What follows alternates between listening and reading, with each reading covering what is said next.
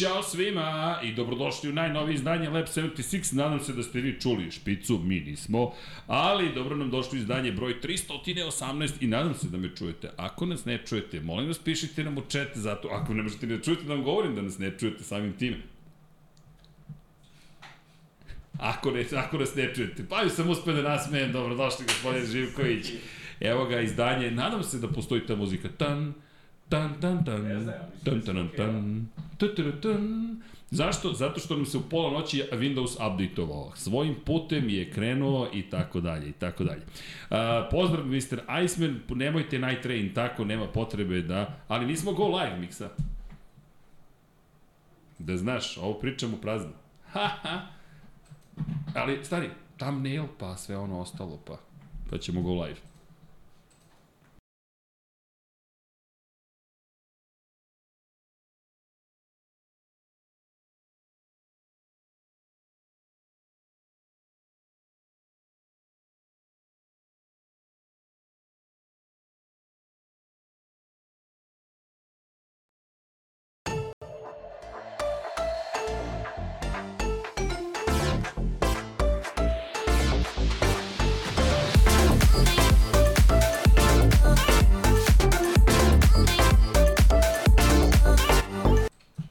Ćao svima, još jednom dobrodošli u izdanje broj 318 Lab 76, pa ja se smemo, nemamo pojma šta ide, šta ne ide, tako da pišite nam u chat ako nas ne čujete, pokušati da iz, gestikulaciju uhvatite i tako dalje tako dalje.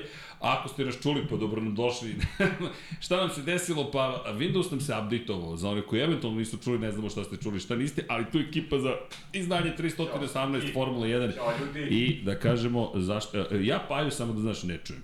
Tako da možda monitor nije upaljen, ali sve ćemo da sredimo. Windows nas je jutro se iznenadio, prešao na novi operativni sistem. E sad, kad nešto pređe na novi operativni sistem, onda se pitate da li sve funkcioniše ili ne, ali držimo palčeve da je sve u redu i da ste vi sa nama. Inače, da odgovorim pitanje zašto ne u 21, zamolile su nas zapravo kolege iz podcasta koji se zove Luka i Kuzma. Šta su nas zamolile? Zamolile su nas zapravo kolege da li možemo malo ranije da sve pomerimo kako bismo šta uradili, pa kako bismo zapravo im omogućili, pošto se igra neka utakmica. Nemam pojma, neki, neki tamo igraju nešto, ne znam nija šta. Šalno strano, ovde su svi košarkaški raspoloženi, Partizan i Crvena zvezda igraju još jedan u nizu derbija ovih dana, jel te, to je sada veliko finale, pa sad da li će biti četvrta ili peta utakmica, pa eto, mala molba, a mi volimo da izađemo ljudima u susret, pa zašto da ne? Naravno. Tako da, eto, da znate šta se desilo. Zapravo, Da, da desilo s se obzirom to. da ljudi radi ujutru, misli da im ne škodi uopšte što smo malo pomerili termin unazad. Pa da, tako da, držimo palčeve da vam ovo odgovara, ako vam ne odgovara, I pišite da li se čujemo ljudi, mislim ja stvarno slušalice jedan čudan, čudan zvuk u slušalicama imam ili, ili ti ga nemam. ne, sad je, sad, nemaš sebe. Baš, baš slabo. Ne, to znači da monitor možda ne radi, nemam pojma. Ne znam šta se desilo, ali sredit ćemo mi to u svakom slučaju. Raspoloženje na nivou, to je ono što je najvažnije, a ja se nadam pa da ćeš me čuti i da će sve biti okej, što kažu. Ne znam da li je u Ja monitoru. tebe, ja tebe diskretno. čujem sve okej, malo, Sebe. malo je drugačije, ali, ali ovaj, bitno je da nas ljudi čuju, to je nevažno. To- toga je to je- bitno da nam pišu da, da, da je sve u redu, Tako to je ta- važno. Tako da javite nam se čisto da znamo gde smo, šta Tako smo, je. kako smo i zašto smo. Ali, nadam se pre svega da ste dobro, mazite se i pazite se i budite dobri jedni prema drugima i naravno vozite računa jedni prema, vozite računa jedni od drugima, a naravno da vam želimo jedno lepo veče sa nama i kao što smo rekli, malo ranije smo krenuli, pa malo dok i mi povatamo koncert, rekao se naviku na 21.00. Tu nam i Koki, inače ako budete čuli da neko laje, to je zato što je domaćin večerašnjeg studija zapravo Koki, Koja je ovo sorta? Šta je? Maltezer neki? Maltezer, sve se naučio. Maltezer koji se rasprostro, ja mislim da mu je vruće za Pa kao. Svaki dinar, tako da Miksa je mada upalio klimu, tako da treba A ne, bi naviku, da- naviku na more. A, na, Pod, ne, podigo, ne. podigo standarde. E, znaš šta sam čuo? Ajkule se hvale o, na Maldivima da su plivale sa Miksom. I preživele. I preživele. Preživele. Blago tako njima. da znaš, tako Aj da da znaš. preživimo, Ajkule- i, i mi da preživimo ovo već. A, nismo ajkule, ali sve će to da bude redao. Da sam u nežnim roze bojama. Vidi da, vidi da si danas emotivan A, sam emotivan, da. I samim tim ću iskoristiti priliku da vas pozovem da šta uradimo svi zajedno, pošaljemo par poruka da vas zamolim da pomognemo Jovani najpre, da pomognemo Martinu, s obzirom na činjenicu da je potrebna pomoć, 1492 ukoliko možete da pošaljete na 3030, Miksina drugarica između ostalog, a i da nije, opet bismo spominjali, mladoj dami je potrebna pomoć, pa koju mogućnosti 3030 je broj na koji se šalje poruka 1492. 200 dinara košta PDV se ne naplaćuje, a ukoliko ste u Švajcarskoj Human 1492 na 455, to je fondacija Budi Human. Isto to važi i za malog Martina, našeg drugara, 1503 je samo broj za Martina. Da, znam da, da tražimo dosta, ali ne zamerite, pokušamo prosto da im pomognemo oboma. Martin je naš drugar koji sticam okolnosti prati roditelji prate F1 i Moto Grand Prix, ali čekamo da čujemo njegovo mišljenje o tome kako smo posao uradili, tako da, da bismo mogli da ćaskamo s Martinom, molim da se zajeto malo podrške, to je to je nešto što volimo da učinimo svaki put, pa eto, držimo palčeve i ovoga puta da ćemo uspeti nešto više da uradimo i da ćemo, jel te, pomeriti stvari negde u napred. U svakom slučaju, dobro nam došli još jednom i dobro veče. Ma nešto ranije, kao što smo već napomenuli, krećemo, ali to ne znači da ćemo da ostanemo kraće. Pazi, čujemo se ono, čujemo se ono što je najvažnije. Boris Tutin se oglasio i kaže tako je radi se ujutro. Tako je, radi se ujutro. Boris, gde radite, Boris? Zar vi niste u penziji? Nije bitno gde radi, šta radi, važno da se čuje. Provokacija, ovo Provoka, je provokacija. klasična Da. provokacija. Ali, dobro, vi nama došli i šta smo rekli pre sedam dana, kako smo krenuli sa najavom, a, nekako, a, možda ćemo se ponavljati, ali to je zato što šta čujete u Lab 76, to će se desiti. zato što je kompleksna je sezona i samo na ovom mestu možete da saznate ko će pobediti u svakoj sledećoj trci Formula 1. To je veliko iznenađenje ove godine da četvrti put za redom, a šesti put ukupno pobedi i dvostruki svetski šampion Max Verstappen i dođe do 41. Mi pobede. smo u stvari trebali samo da, da, da nalepimo onu prošlu ovaj epizodu. Ja sam onako bio istom duksu, ovaj, pošto mi stoji tu, čeka me. Ja, ja sam se svakog zato utorka. presvukao da se zna da ipak da. Nije od prošlog utorka. Danas je 20. jun, nisu nas oteli, dakle, samo da znate, zaista je novi datum. Ja sam promašio samo jedno mesto na podijum. Ka- Šta si promašao? Pa rekao sam Hamilton drugi, a Leclerc treći. Ja se nećem više šta sam rekao, moram ti priznati. Zaista se nećem, mislim da sam da sam nešto slično. Alonso nisam računao. Ne, ja sam meni Stroll pobedio, tako da, tako A da sam, dobro, ja sam imao drugačiji neki poredak u glavi. Ali dobro, Alonso mi je bio kao sekundarni izbor. I tako zube da, sam sačuvao, to je važno. Ne, Da, zubi se čuo, zamisli. Nije u momentu da nisi čak morao ni da budeš zabrinut. Dakle, baš je bilo surovo. Ja sam bio se na mestu sve vreme. ja sam se Lance Bucker Nije, u nije jednom strepeo, momentu. nije strepeo ni malo. Ne, ne, ne, nije se potresao uopšte A Stroll. oštrio sam zube pred početak, I- svaki slučaj. Za svaki, ali da, pa mislim da je bilo jasno vrlo brzo. se, da, ma naravno, da, da, velike Ali razlike, konstantno je velika razlika između Alonso i Strola i dobijamo potvrdu iz nedelju u nedelju. I Da. stvarno Aston Martina, ukoliko jednog dana želi da ima neku ambiciju koja, eto, ide, ono, ide do, do šampionske, mislim da, da sa Lensom Strolom to ne mogu da ostvare, čak i da imaju ubedljivo najbolji bolid u, u karavanu. Ovo postaje sada već epidemija manjka poena za Lensa Strola. Kod kuće voziš, jedini si kanadjanin i ti ne uradiš apsolutno ništa. Dakle, kada kažemo ništa da nije bilo malo agresivnije strategije u samoj trci, verovatno ne bismo ni imali šta da pričamo o Lensu Strolu, osim kritično da govorimo o tome da ne iskoristio prilike. Ali, Kanadjanin je imao svoju priliku prošle nedelje, ove nedelje neće dobiti previše vremena, na, makar ne na, u ovom metru. Vreme odvajamo za Maxa Verstappena, ali ne samo za Maxa Verstappena. Ako možemo, u, ne znam da možemo da vidimo thumbnail, a da se čujemo, ali na thumbnailu vam piše nešto što se nadam da ste, da ste svi uhvatili onako u, u, u, u podnaslovu zapravo malim slovima broj pobjeda i broj titula koje imamo na pobjedničkom postoju. Pa evo, pre nego što krenemo sve što je učinio Max Verstappen, pazi ovo, 23 titule i 386 pobjeda ova četvorka ima na vrhu pobjedničkog postolja.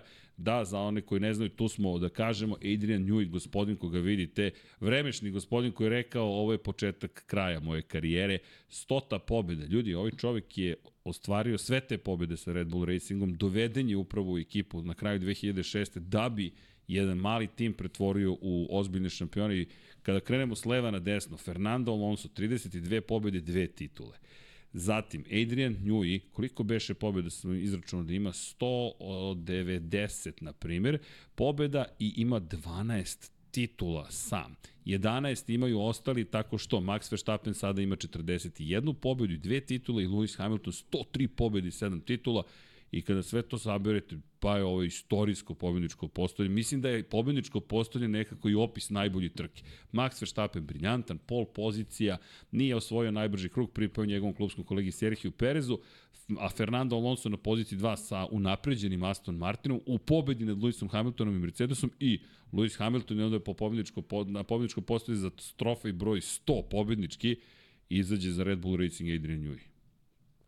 Kakav spektakl. U jednoj fotografiji vidiš sve nekako. Meni je to baš bio utisak na kraju trke, moram ti reći. Posle onakvog trkanja i svega što se desilo, vidiš njih četvoricu i kažeš, ok, Pa do, ne znam ni da li, da li je Max kao, kao klinac ovaj, sanjao da možda bude na podijumu sa, sa uh, velikanima ovog sporta, ljudima koji su se tamo još 2006. 7. borali za, za kad, koliko je Maksimo godina tada, 2006. godine? 2006. on je sad ima 20 i koliko, 4, je li tako? Dakle, imao je 17 godina, ne, ne, 6, 7 godina. 7 godina, 7 da, godina. 7 godina. 17, nema. 17. 17 već vodio 6-7 Formule. godina imao u vreme kada su ova dvojica bili naj, veliki rivali. Tako da, i to, je, i to je priča generalno, a lepo je što Hamilton i Alonso traju, što i dalje ovaj, beleže takve, takve rezultate i dalje imaju tu, tu energiju, žar koja je očigledna bukvalno iz nedelje u nedelju, tako da zaista je podijum priča u stvari. Lepo si rekao, podijum je, podijum je priča. I to baš ozbiljna priča. Max Verstappen, rekao smo prošle nedelje, bukvalno da što kažeš, thumbnail od prošle nedelje, samo da zamenimo i sve ispričamo, ali treba ponoviti. 41. pobjeda u karijeri, izjednačen sa Ayrtonom Senom. Sena kao velikan Formula 1, kao trostruki šampion sveta, da, iz nekog drugog vremena je bio na poziciji i još uvek deli tu poziciju broj 5 na listi svih vremena najuspešnijih vozača po broju pobjeda. Sada mu se pridružio Max Verstappen, iako nije mnogo to spominjao, spominjao je zanimljivo na konferenciji za medije mnogo više upravo ovo što si ti rekao da sama ideja da se on trka trenutno protiv Fernanda Alonsa i Luisa Hamiltona je pa ne, fenomenalna. Nadrealna, bukvalno scena da, da ti imaš toliko i starije vozače od njega i, i ljude koji su obeležili stvarno istorijat, imaš ih, imaš ih na podijum i sigurno da, da mu to predstavlja onako i, i njemu privilegiju. I opet ono pitanje konstantno, gde su momci iz njegove generacije? E, on stalno pomera granice, stalno ga, stalno ga sad svrstamo u neko društvo koje, koje tako daleko deluje Russellu, Lecleru, i tom tom društvu koje sutra treba da budu najveći rivali Max Verstappen. Meni je to u stvari na, na, najveća priča generalno, ne, ne samo ove godine, već godinama unazad. Ško, kolika razlika postoji između Maxa i njegove generacije mlađih vozača, možda za, za koju godinu starijih, nebitno, ali to su oni, to su vozači koji treba sutra da predstavljaju budućnost ovog sporta. Nema ih, nigde ih nema u, u, ovaj, u, nekim, u nekim pričama, nema ih. Evo čak i sada, Russell je imao grešku, Russell mogao da se bori za, za, za podijum ovde.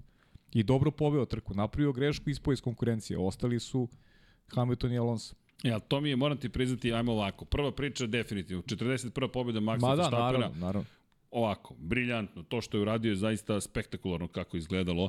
Izgledalo je zapravo toliko lako da jednom trenutku kada je prekao, prešao preko tih visokih ivičnika Kanade, ali Kanada uvek oduševi. Kanada je velika nagrada Kanade od onih trka koje da čekaš. I, i morate priznati ta akcija od početka do kraja meni bila jedan od najjačih utisaka, zapravo možda mi i najjači utisak, a, utisak Alex Albon, koji je osvojio zvanje vozača dana tako što se odbranio na poziciji broj 7 i držao sve. Da, da, doćemo i doćemo do njega. Jest, ne, ne, jest, samo, fenomenalno. samo mi je to neko utisak i nekako cijela trka u Kanadi. Te kiša pada, te kiša ne pada, te hoće biti, neće biti, pa onda da ćemo pomerati uopšte trku. Pa koja će biti strategija? Pa onda Ferrari koji su jednom pojavi sa nekim tempom u trci koji je neverovatan, pa, a pogreši standardno negde u kvalifikacijama. Ja, meni je, ima pričica, rekao sam, ali nije mi, nije mi, nisu mi bile, nije mi ova trka u stvari bila toliko zabavna kao prethodne dve.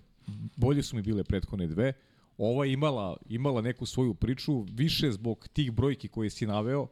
Uh, ta pobeda Max Verstappena 41. u karijeri, pobeda 100. pobeda Red Bulla i neka napetost koja je definitivno postala u Red Bullu na, na račun ove trke, želi su da proslave ovde, ovde triumf, uspeli su, tome Max nije bukvalno ovaj, imao nikakvih poteškoća, do Grand Slema ga je delio samo najbrži krug trke, to se nije desilo i imali smo tu jednu kontroverzu ono, u boksu, Lewis Hamilton, Fernando Alonso, možemo, pričat ćemo o tome tokom I kažnjavanje tokom Landa podcasta, Norrisa, kažnjavanje, priči. Tako je, kažnjavanje Landa Norrisa i imali smo kvalifikacijama takođe nekoliko kazni koje su onako uticale sjajan Niko Hulkeber, to ne smo da zaborimo, Niko, fantastične kvalifikacije za Nika, koji onim promenljivim vremenskim uslovima malo sreće, došao druge pozicije, međutim, pomeren je za tri mesta unazad, ali ono što što je problem Hasa, taj tempo za drku definitivno nije dobar, Dobro, oni su se baš su se mučili, da, mučili su se i uh, jednostavno baš je onako, trebalo da se namesti dosta toga da bi osvojili neki poen. Nisu zaslužili realno poen. Ali kad sve saberemo oduzmemo, znaš šta, ja moram ti priznati da me, meni utisak drugačiji od tvog. Dakle, ja sam potpuno bio oduševljen i čak mi na drugi način, nekako, prethodne dve trke su mi bile povezane. I ovde postoji veza. Posle Barcelona smo se pitali da li Mercedes taj koji preskoče Aston Martin. Aston Martin koji dolazi sa novim delovima i kaže polako, gospodo, imamo mi šta da kažemo kao odgovor na sve to. I, ali u celoj priči samo trkanje, taj koncept staze i ulazak u prvu krivinu i kakva je gužva i što se oni prate kroz celu trku i ti znaš, možda će biti preticanje, bit će napeto, ali neko mi nije bio klasičan DRS vozić kao na drugim mestima, ti znaš da sigurno se ništa neće desiti, nego tu je nekako akcija postoji, I onda ti izbori pa, pneumatika, to, utiska, to ono što meni, meni utiska, kažem ti, meni, kažem ti, meni je samo to. Razlikuje nas utisak. To, to, to, meni baš... one, one prethodne dve su mi držale više ovaj, neku tenziju, pažnju nego nego ova. A, me, morate priznati, mene baš zabavila, ali, ali opet u celoj toj priči, znaš, nekako možda sama ta poseta Kanade. I onda, bilo je mnogo toga što ti kažeš, nekako sitnih ili, ili većih priča, između ostalog priče i o Ferrariju, doći ćemo na sve o Kacigi, Žila, Vilneva i tako dalje, tako dalje. Ali, Max Verstappen, e, posvetili smo dosta vremena, prošloga puta, da ponavljati zaista ne vredi. Ko želi neka pogleda Lab 76 316, pa, mislim da će biti dovoljno jasno zašto smo toliko pa, do, pričali. Na, na, Ali... šta je, na šta je, eto, mora da, jedan utisak da podelim. Sjećaš se verovatno finiša trke kada je kroz osmeh rekao haha za malo da završim na zidu. I se sećaš, to bi je... To, to, pa to ti kažem, taj prelazak preko ivičnjaka, to taj neki, ta neka opuštenost, ovaj, samopouzdanje koji ima toliko ga ovaj čini posebnim u odnosu na generaciju, opet se vraća na generaciju. Ne, računamo ova dva velikana koji uh, imaju mogućnosti ukoliko timovi budu napredovali da se da se sa njim bore. Pogotovo to mislim na Luisa Hamiltona. To je neka stara priča ovaj na kojoj temeljim ajde da kažem neku ovaj bližu budućnost u kojoj ćemo gledati interesantnije trke u smislu te borbe za šampionsku titulu ali ovi momci koji, koji sutra treba da budu rivali, oni, oni ovaj, nisu ni blizu tog nekog mentalnog sklopa Maxa Verstappen, ono što on već sada postiže u tim nekim mladim godinama i, i, i naslanjen si na onu izjavu Luisa Hamiltona koja je potpuno realna, mislim da, da uopšte nije ovaj, izrečena na onako kroz neki ovaj, ne znam, cinizam ili šta god stvarno on smatra da Max može da obori sve rekorde, ovaj, te rekorde koje on drži. Pa to je i Michael Schumacher rekao za Luisa Hamiltona svoje vremena. Kada je Jest. postavio taj čuveni rekord, sedam titula, kada je došao do 91. pobede, Schumacher je rekao u jednom intervju čuvenih tih, kaže, poču ljudi, ko, ko, ko vam kaže da evo, na primjer, ovaj novi momak Luis Hamilton neće boriti sve moje rekorde. Dakle, njih dvojica inače od 2007. nisu vozili jedan protiv drugoga. Ka, Schumacher je već izgleda, bio u penziji. Kako izgleda Max danas i kako izgleda Red Bull? Čak ta brojka od 103 ne deluje čak ni tako daleko. E, ali to će biti lepota sad ovih godina. Ajde sad da se suprotstaje. Inače, jedan od komentara e, je apropo toga gde su rivali, pa tamo i gde mogu da budu bez bolida. Činjenica, postoji i, i, i ogroman jaz u tom, kontekstu, u tom kontekstu da je trenutno u dominantnom bolidu, ali nije samo to u pitanju. Dakle, nije pojenta, ne govorimo mi, e, Max je jedini koji ovo može da radi. Ne, ali upravo sve što su se sklopile kao kockice i sve što on trenutno čini kako koristi situaciju u kojoj se nalazi, nas dovodi do toga da sutra, evo, Le, Leclerc koji je je li tu ili nije tu, kada će biti, neće biti, a godine prolaze. Ono što se mi pitamo, Ali, Srki, ko će se pojaviti? 2021. ga je dovela do ovde. Jeste kada se izborio sa Lewisom Hamiltonom. Ti se boriš sa najvećim svih vremena, po rezultatima je tako, tako sa je. najvećim svih vremena se boriš, od početka do kraja.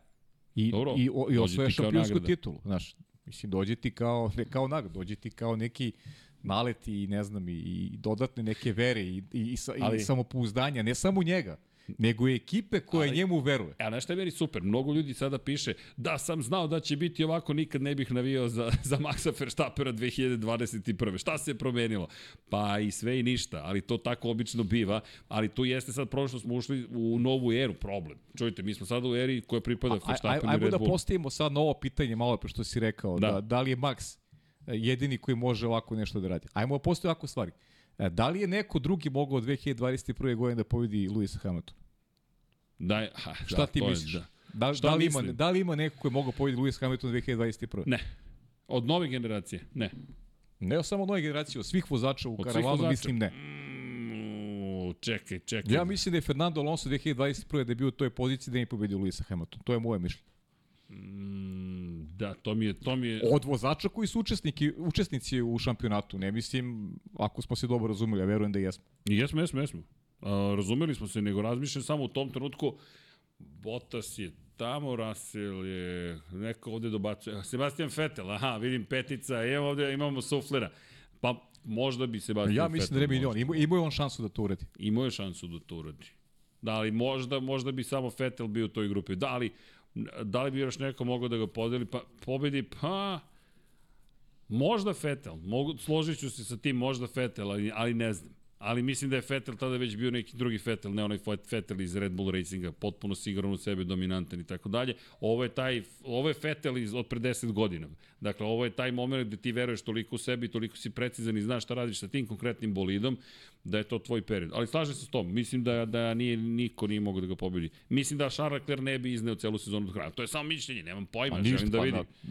To, to, to, i, to i radimo. Koja, koja mi je argumentacija? Pa upravo u tome što smo videli često i uzleti pad i uzleti pad. Ali ajde da vidimo da li će se ikada desiti ta sezona u kojoj Charles Leclerc kaže ok, imam bolid od početka do kraja i mogu, i ne samo to, imam taj stav. Dakle, to, to nisam dobro, siguran Charles baš da ima. ima i stav i bolid, treba mu i tim koji je uz njega i svašta sve, nešto treba, sve je okej, okay, ali zato ti kažem, ne vidim, u tom momentu ne vidim nikog drugog ko bi zaustavio nalet. Luisa Hamilton, ali dobro. Uh, vidi, ajde, uh, kada, kada tako postoji stvari, daš, da, baš kao što sad da ne vidim nik, nikog drugog ne vidim ovaj, ko može da zaustavi Maxa Verstappena osim Luisa Hamiltona opet obrićem sada pričam ne, ne, na dobro, drugu to smo rekli, ali, ali vidi, ali meni sad, sad, znaš kako, to mi već postaje, to je toliko jasno da zapravo mi tu nemamo šta više da tražimo. Ono što sad u ovom trenutku možemo, ovo je sad samo istorija, zato sam i stavio, Max Sena istorija. Max Verstappen sad više, ne, ne, on trenutno nema rivala. Jednostavno nema ga. I ja ne vidim do kraja godine da će ga imati. Pa iskreno. do kraja godine sigurno. Dakle, ovo je njegova godina kada on zajedno sa, sa, sa Red Bull Racingom treba da samo ubira plodove rada. Ovo je deveta pobjeda za rednu za Red Bull Racing, osma ove sezone, imaju pobedu prošle godine u Abu Dhabiju. Dakle, dođemo do devet pobjeda i kažemo šta je sledeće. Pa, da se izjednače sa Mercedesom na spisku večetih, to smo rekli prošle godine, prošle nedelje, prostite, 11 pobjeda, taj rekord McLarena da pokušaju da obore. Jer ne vidim ništa drugo. Da, šta će se desiti sada u naredne dve nedelje, pa ćemo jednom dobiti neku novu trku. Ne vidim ništa će se suštinski promeniti. Pri čemu, Max Verstappen čak evo, moram pronaći gde nam je grafikon Alekse Vučeja koji je poslao čovjek koji jedini nema otkazivanja ove godine. Samo Red Bull Racing nema ni jedno otkazivanje. Oni ljudi ne samo što su najbrži, imaju najboljeg vozača ili vozača koji najvećoj formi u ovom trenutku, nego su u situaciji da se njihovi bolidi čak ni ne kvare u ovom trenutku. Dakle, ne znam šta, šta, kod je slabost postoji u toj ekipi. I onda dolazimo zapravo do ostatka sveta u suštini. Njima je sada da uživaju u ovome što imaju. Pazi, ali stota pobjede je fascinantna. Rekli smo, Ferrari jedini preko 200 pobjeda. Imamo ekipu Williamsa, McLarena i Mercedesa koji su uspore da dođu preko, do preko 100 triumfa i sada imamo jel te, u toj grupi Red Bull Racing koji stvarno izgleda nevjerovatno. A do kraja godine koja je bila trka osme, je li tako? Osme, da. Pa evo, koliko pobjeda ove godine? Sad je šesta pobjeda za Maxa Verstappena. Pa ono što smo rekli, 50, 50 pobjeda je neko realna brojka. Ja stvarno ne želim da verujem da će Red Bull pobediti u, u svim trkama ove godine. Da to, ali Mislim to da ti... to, stvarno bi, to bi stvarno bio najveći podvig u istoriji Formule 1. Sa brojem trka da jedna ekipa dođe do, do mislim, prosto, znaš, u ovom momentu Ne vidi se ko može da ih zaustavi, ali Zato ti kažem, duga je sezona. Samo... Duga je sezona. A da, a mi idemo u Austriju. Mi smo 2. jula nije sporno, u, u, na Red, na Red nije Bull sporno. ringu, gde Max Verstappen vozi pred uh, naranđastom Dobar, armijom. u sportu, u sportu ide i faktor sreće i naš, mislim, da ti se ne desi baš ništa cele godine i da i da pobeđujete konstantno jedna ekipa, to je raritet. Mislim, možemo da pristati u istoriji, definitivno. Ajmo ovako, evo pitanje za publiku. Koj, na kojoj trci mislite da će se desiti da neće pobediti Max Verstappen ili Sergio Perez, da neće pobediti Red Bull Racing? To je samo mišljenje. Ljudi, sad se igramo, jer sezona je takva da pričamo o tome, pojavljaju se novi rival. Koji rival? Sergio Perez, e, evo, koji je minut? D 25. mi smo sad spomenuli Sergio Perez za drugi put. Prvi put smo ga spomenuli kao čoveka koji je zapravo došao do najbrže kruga trke. Pa jo, nema više rivala i ja se izvinjam što sam uopšte, čak i meni nepreto što sam pokušao da stvorim priču, zato što u ovom momentu mi imamo trku koju Sergio Perez treći put za redom ne prolazi u Q3 deo kvalifikacija. Iz raznih razloga, ali Verstappen je tu bio prilično surov i misli da je završio posao sa klubskim kolegom. Inače, mnogo se priča trenutno o tome da bi Daniel Ricardo stvarno mogao da dobije šansu ponovo u Red Bullu, ali da se vratimo na Pereza. Perez koji tri puta ne ide u Q3, Max koji kaže pa ja bih, ja, ja, me, ja bih se zabrinuo da je tri puta za redom ne uđem u Q3 deo kvalifikacije, ali ne interesuje me to, moja strana garaže me samo zanima i ja nemam problem sa time, to oni nisu tu da se međusobno podržavaju na taj način, oni su da pobede jedan drugog. Pa dobro, ali takva je godina, to, to. takva je godina da im u principu im i ne treba ovaj čeko. Znaš kada će biti pravi test za njega? Kad, onog momenta kada Max ne bude imao kada bude imao neku, neki hendikep. E, tada ćemo da vidimo čeka na delu. Dobro, tada će je, trebati Red Bull, ta, a sad im ne treba. A tad je potreban Red Bullu, ali kada govorimo pa o da, njegovoj tituli pa šampiona pa, sveta... Jo, to, pa to nikad nije bila priča. To, to se završilo. To, to, pa, mislim, rekao sam i tada smo pričali Zato ti ja. Zato ti kažem, izvinjam se priča za, nije bila uopšte. za izmišljenu priču, jer sad stvarno deluje kao da ne da, ne da je izmišljena. Je, nego... Jer on je i dalje, on je i dalje dobar drugi vozač. I dalje dobar drugi vozač. Sad ima serija, ali, ali on je imao takvu seriju i prošle godine. Znam, ali ovo, post... ovo nije prvi put. Da, da, ali sad, sad ovo postaje problematično. Da, zašto? Znaš, A da li Red Bullu treba uopšte neko ko je konstantan kao kao drugi vozač. Pa samo da uskoči za da ovo što si rekao. Pa ne, a je, vidi. Pa ja mislim da on idealan drugi Treba... vozač za, za celu, onako, celu neku operativu, za, za, za sve ono se dešava u Red Bullu, Sergio Perez je savršen broj 2. Ne uznemirava previše. Naravno. A završava dovoljno. Završava se i zato ti kažem, prva sljedeća trka kada Max bude bio u hendikepu, vidjet ćemo onda kakav je čekao. Jer će siguran sam Istina. i sebe da motiviše na, na drugačiji način, jer će videti priliku da može da da dođe do triumfa. Ne, sam je rekao, ljudi, nisam imao tempo u ovoj trci. Prosto nisam imao tempo u ovoj trci. To se videlo, to, to. to se videlo po onom drugom delu kada je na srednje tvrdim gumama nije mogao pratiti tempo Ferrari koji je bio na tvrdim. Ja, a koji je inače vrlo zanimljiv, zato nam je jedan od podnaslova tempo Ferrari, su otkrili pa, tempo dobro, ili nisu ali kad završimo, tempo. da, kad završimo sa, sa Red Bullom. Vidi, ja bih završio sa Red Bullom, znaš zašto? Zato što mislim da možemo da ponovimo sve iz prethodnog podcasta i da ne zvuči kao da se ne ponavljamo. Ali to je priča koja teče.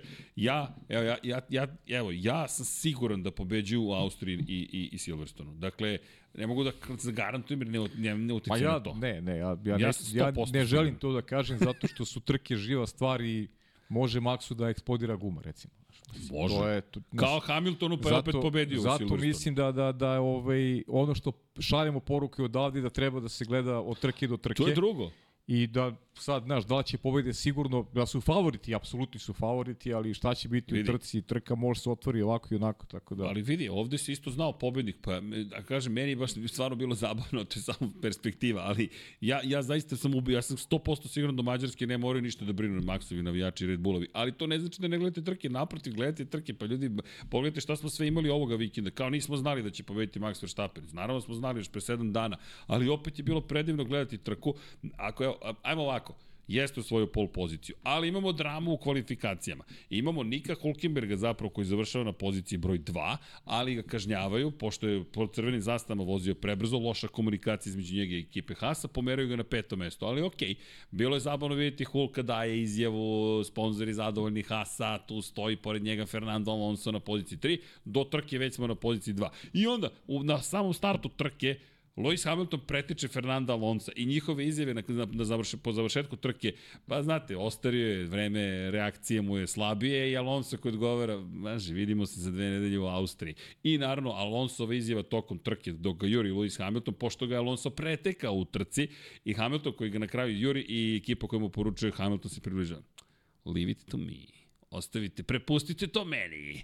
I taj njihov duel je bio isto super videti. Inače, mnogo poštovanja u ovom trenutku, ali cenim imaju uspehe. Mada ih je Max prozivao, to mi je bilo super, konferencija za medije i Max koji kaže, verujem da bi njih dvojica želi da zamene pozicije, ali ja uživam što sam u sredini, tamo gde je mesto pobednika. I to je onaj super kadar. Pajo, kako ti je bilo kad su seli na pogrešno mesto? To smo komentarisali, da, zato što ih ne zanima uopšte to.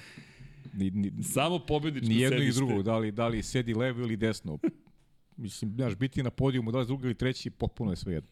I mislim da, da onako u tom stilu su se i ponašali. Bukvalno. Nije ih zanimalo gde sede. Hamilton seo ispred Alonsovog onog tornja, zapravo, a, a, a Alonso ispred Hamiltona. Pa dobro, ima tu priča lepih tu.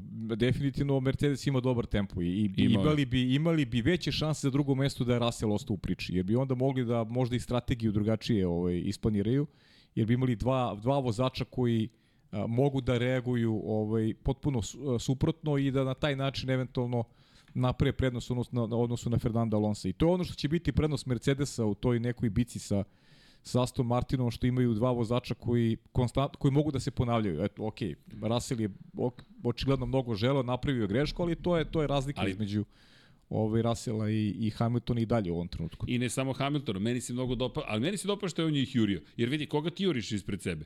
Ti juriš Luisa Hamiltona, inače odgovor uh, George da je trenutno, trenutno je brži od Hamiltona, to je njegovo mišljenje, iako to ne pokazuju rezultati, ali ti u tom momentu juriš Fernanda Alonsa, Luisa Hamiltona i Maxa Verstappena. Ne postoje veće mete od njih. I apropo pitanje gde su rivali Maxa Verstappena, trenutno i okolnosti dozvoljavaju to, ali i sam stav Georgea Russella mi se mnogo dopada. Dopada mi se kako vozi, čak i ta greška. Ej, tražio si granicu, našao si granicu i idemo dalje. Da, moraš da naučiš kako da voziš sa šampionima, ali mi je bilo super što je pokušavao. Tu sam, pa, neću znam, ali to, to imamo priču o Lecleru onda i on isto kad napravi grešku traži granicu, ali greši, znaš, to, to su, znači oni greše i Max je tražio granicu, pa Dobro. ajde, seti se... Davno je pogrešio poslednji put. Ali vidi, i sad kad zakači zid, isto kao Alonso, zakači ga taman koliko bolid može da izdrži. Jer i Alonso je smokio zid, bilo je cak, ali, ali je nastavio dalje. O, ostaju u priči. Da, da, ostaje priča, ali vidi, i, i oni su to prošli. Razlika između Russella i Leclerca mi je što je Leclerc sada petu godinu u Ferrariju. Ovo je druga godina u Mercedesu Georgea Russella i još se u prvoj godini našao u Mercedesu koji nije baš bio toliko konkurentan. Ajde da kažemo u drugoj sezoni nije bio konkurentan ni Ferrari Charles Leclerc. Ali tu, tu mi tri godine razlike, zato mi je Russell bio toliko zanimljiv. Jer nekako Russell kao da ne privlači toliko pažnje, a mislim da je bilo super što se trkao. To ne znači da je uradio dobar posao. Na kraju dusto izvinjavao se ekipi, izazvoje i vozilo bezbednosti, ali opet nešto je tu pokušao, znaš, drži se, to, to, to. I mislim da nam to treba, u krajnjem slučaju, znaš, pokušaj. To, to je to, to ono što je nekako bilo super videti. Zaista mi je bilo super videti, ali ispred njega Ale, bukvalno Ale, koji su završili na pobjedičkom postolju i to isto rekao Verstappen, kaže, pa ovo je drugi put da smo zajedno. Me, žao, je, žao mi je, jer mogla bude bolja trka ovaj, da, da je Russell bio u toj priči. Misliš kroz strategiju upravo što si rekao sigurno, i sve? kroz strategiju bi bilo interesantnije. Dobro, ali Alonso na čisto ja mislim trkanje... da su videli, ok, jer Hamilton je na kraju imao, imao ok tempo, ali mislim da su da, da, da Ham, Alonso i Hamiltonu je možda iz tog nekog pogleda njihove neke lične bitke, ali Max Verstappen je bio apsolutno ovaj, nezaustavljiv u toj priči i kada je ušao onu prvu krivinu kao broj 1, ovaj, iskontrolisao je kasnije trku, eto nedostajao mu samo najbrži krug za Grand Slam. Iz, ne žali previše. Sigurno. Pazi, iz perspektive upravo Grand Slama, to što smo pričali prošlog puta, to se, to se ne dešava tako lako posle Španije. Ljudi, to je teško izvesti, zato se divimo kada neko izvede Grand Slam, jer to zaista treba sve spojiti, to je bukvalno savršen vikend. Na kraju čak i Max koji je pokušavao, bil, nije bilo dovoljno, bilo dovoljno za najbolji lični rezultat, nisu hteli ni da razmišljaju o tome da stavljaju meki gume i da rizikuju bilo šta. Sve je u redu, pobjeda je pobjeda, to je ono što je najvažnije. 25 velikih poena, Perez je dobio crvene gume, to je meki za kraj. E da, i to kada, kada bacimo pogled, dakle kada pogledamo grafiku koja zapravo ima Pirelli, cela strategija kakva je bila, Pirelli koji danas iznenadio. Pa ovog puta očekivano dva stajanja, osim za odabranog Aleksa Albona, ali Verstappen, svi srednje tvrde gume, u tom momentu kada je bilo vozilo bezbednosti na stazi, ide se na promenu guma, na tvrde se prelazi i završava se trka ili na tvrdim ili na srednje tvrdim, u zavisnosti od onoga šta ti je ostalo. Pa da, to je interesantno bilo da je, da su da je Ferrari i Mercedes imali samo po jedan set tvrdi guma i to smo znali pre početka da da će biti možda drugačija strategija za, za njih u odnosu, u odnosu na, na Aston Martin i Red Bull i Ferrari je sproveo taktiku sa, sa jednim stajanjem i oni su apsolutno pogodili. Za razliku od subote, kada su, kada su mašali, pričat ćemo i o tome, nedelja je bila jako dobra i delovalo je na osnovu rezultata Čeka Pereza.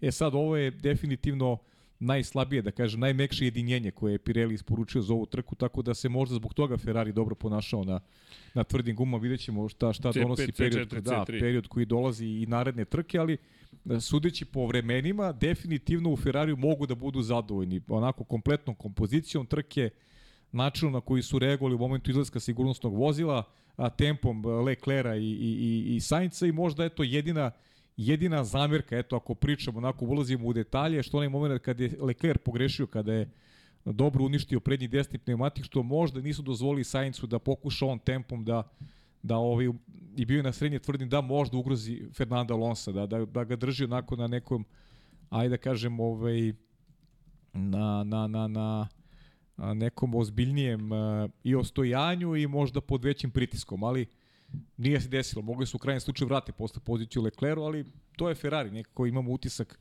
o bojce da Ferrari se pridržava strategije koje se, koje se dogovore negde u prepodnevnim satima ili, ili u subotu kako god i da ovaj nisu baš ovaj, u stanju ili ne žele da se prilagođavaju nekom, nekom momentu. Me, ta, tako meni deluje ovaj Ferrari generalno, da su poprilično konzervativni kada, kada je strategija u E, ali ajmo ovako, ima tu par stvari i, i ti, uh, ajde doćemo na to, ali uh, ne, jedna od informacija, moram pričati da ja nisam još čuo taj, tu, tu, tu radio komunikaciju, pa mi ne zamerite, moram to da proverim, ali jedna od stvari koje je navodno m, se desila u Kanadi je da je Charles Leclerc odbio zapravo da ode na promenu gumu u momentu kada su tražili to od njega prema onome što što je transkript što piše u transkripciji da uh, sledeći se stvar desila. Desilo se da su Carlosu Sainzu rekli da ostane na stazi a da su sa Leclerom želeli da idu na zamenu guma i da je navodno Leclerc bio taj koji je rekao neću a i da mu je Čavi rekao u tom momentu da, da, ostani na stazi, ostani na stazi. Dakle, to je informacija koja bi došla sigurno od glavnog stratega,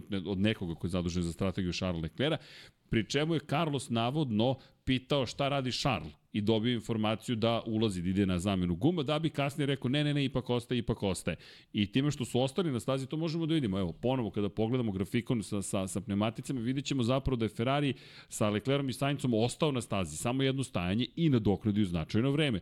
To je nadoknadio veliki broj pozicija. Da. Tako je. Bili počeli su kao 10 11. I svaka čast, 39, to je 38 Ma dobro, to su priče, krugova. nema potvrde, nigde nema Tako je. potvrde ovaj, da, da, da se to tako dogodilo. Pa to je rekao Ali i ako, ako jeste, ako jeste, onda... Apropo radija, da, da, da. Tako je, ako jeste, onda super. Moram da preslušam celu radio komunikaciju. Dakle, ako je neko od gledalaca to učinio, pomozite mi. Ja nisam prosto stigao ova dva dana to da izvedem, da bukvalno celu trku odslušam, da vidim gde je Leclerc Da. u tom momentu to sve rekao.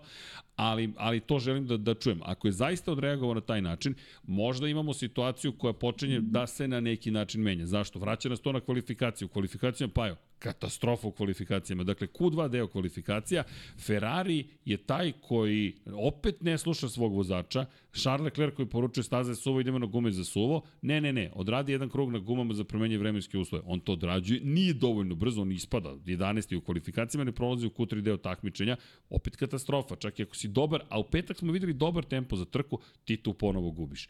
I priča, čak smo ti ja smejali, Radio Drama 2. Dakle, ali nema A dobro, potrebe jeste. ponovo da čitamo radio dramu, Jeste, ista jeste, je. Ovo, ista, ista priča i, i do, mnogo poruka je bilo da u suštini ono, kao Le- Leclerc je uradio dobar posao, imao isti broj krugova na, na, ovaj, na, na gumama kao i, kao i Carlos Sainz. Nije to poenta, tačno je.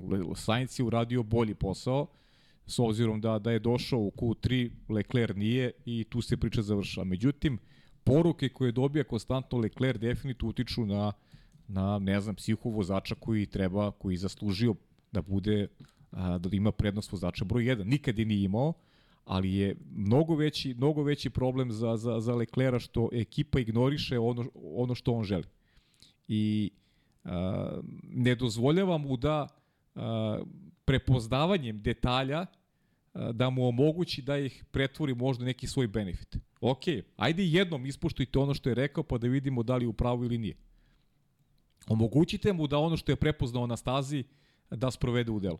Da, i evo, I to utiče, to stvarno, to utiče na mentalni sklop. Ja ne znam sad, ja ne mogu to da pričam zato što nisam u glavi Charles Leclerc i nije dao izjavu na tu temu. E, Kako se osjećaš u momentima do kraja kvalifikacije da voziš kada ekipa po ko zna koji put ignoriše e, tvoje želje?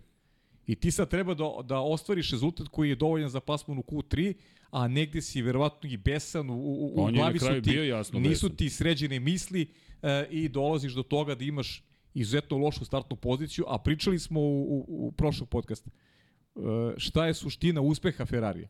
Leclera. Dobar učinak u kvalifikacijama. I budu 11. I budu 11. ali Sainz uz kaznu kreće sa pozicije 10. Zapravo ne, on kreće sa 11, ti sa 10, Tako je, jer je 10 Sainz bio Leclerc, 8. tako u Q3 delu kvalifikacije. krenuo 11, tako Pri čemu imamo situaciju još jednu, evo i odgovora, dakle, a, Čavi mu je rekao radi suprotno Norisa, ali koliko znam, tek pošto je Leclerc rekao da neće da uđe, pa su mu onda u Ferrariju rekli uradi suprotno Norisa, koji je otišao na zamenu guma. Kako god, to moramo da prođemo još jednom da vidimo da li se tu nešto desilo. Inače, Frederik Vaser, šef Ferrari, je rekao u nedelju uveče da su razgovarali zapravo u nedelju uveče sa Leclerom i da se Charles malo smirio do tada, ali ne treba da se smiri, treba da se stvari neke promene. Navodno danas su imali sastanak u Maranelu, zakazan je bio za utorak, sad utorak večer, inače dobrodošli svi koji su u redovnom terminu 21.00, da objasnim, Luka i Kuzma su nas zamolili naši drugari koji rade svoj košarkaški podcast, ako možemo malo da pomerimo terminu napred, da znaju da je bila velika važna trka i tako dalje, ali ljudi smo, tako da ne zamerite na YouTube-u, makar možete se vratiti unazad pa se presluša šta smo to pričali, ali želimo prosto da podržimo, igraju Zvezda i Partizan ukoliko mi je to bitno, meni nije. Šalu na stranu, ali vidim da je svima bitno. Svi su, a šta će se desiti, četvrta ili peta, kako god, mi podržavamo drugare. Tako da, To smo, pa eto, udrite like, share, subscribe, sve ostale lepe stvari i naravno mazite se i pazite se. Što se tiče, dakle, situacije u Ferrariju, eto, ponovo smo imali istu priču. Dajte mi gume za suvo, nećemo. A, ok, onda imamo loše kvalifikacije. I onda dođemo do ovoga što si upravo rekao. Pri čemu, kažem ti, ironija, oni prvi put u petak imaju tempo koji deluje kao da mogu u trci nešto više da učine. Čak je Helmut Marko, savjetnik zvanični Red Bull Racing, ali jedan od najvažnijih ljudi, rekao da su imali sreće što je Ferrari imao tako loše kvalifikacije i da je smatrao da su na ovoj trci u Ferrariju mogli da pariraju Red Bull Racingu. To su njegove reči. Sad, obično nije čovjek koji provocira, nego koji kaže šta misli, ovoga puta Pa kažem ti, verovač. uzorak, uzorak je, uzorak je uh, por, poređenje sa, sa Perezom. Ja sam zaista mislio da će Perez uh, imati bitku sa Ferrarijem do kraja trke. Na osnovu onoga što smo gledali od početka sezone. Međutim, Ferrari je imao mnogo bolji tempo na tvrdi guma, Perez nije bio u priči. I to je nešto što treba da raduje navijače Ferrarija pre nastavak sezone. Pogotovo što eto idemo i i, i znaš šta je interesantno još o, takođe bitno za Ferrari da je uh, u petak na onom prvom treningu, na prvom je tako? Ne, ne, petak nije bio prvi trening, drugi trening koji je trebao sat i po, su uh, imali na, na pravcu su imali bolje rezultate od, od Red Bull. Imali su Na pravcu su bili brži od Red Bull. imali su i tempo koji generalno je bio I, obećavajući. I to je nešto što pred odlazak u Austriju na Red Bull Ring koja je brza staza gde opet daje, opet ajde kažem, neku, neku priliku Ferrariju da, da ovaj, napravi pomak. Ove godine najbolji rezultat je treće mesto Šarla Leclera i ponavljam se, kvalifikacije su, kvalifikacije su ključne, šta god da je bila priča. I ok, eto, neka je, najbolje bi bilo da je Lecler zaista odbio ovaj, Da, da, pa evo sad pišu ljudi, pojavljaju se sama na Twitteru i tako dalje i tako dalje. Ja se iskreno nadam, kažem, nisam lično čuo, pa ne bih da vam kažem to se desilo jer volimo ako da je odbio, preslušamo. Tako je, ako je odbio i došao do četvrtog mesta, to je lično njegova zasluga. Znači, bio bi na kraju 10. i 11. vjerojatno da je poslušao ekipu.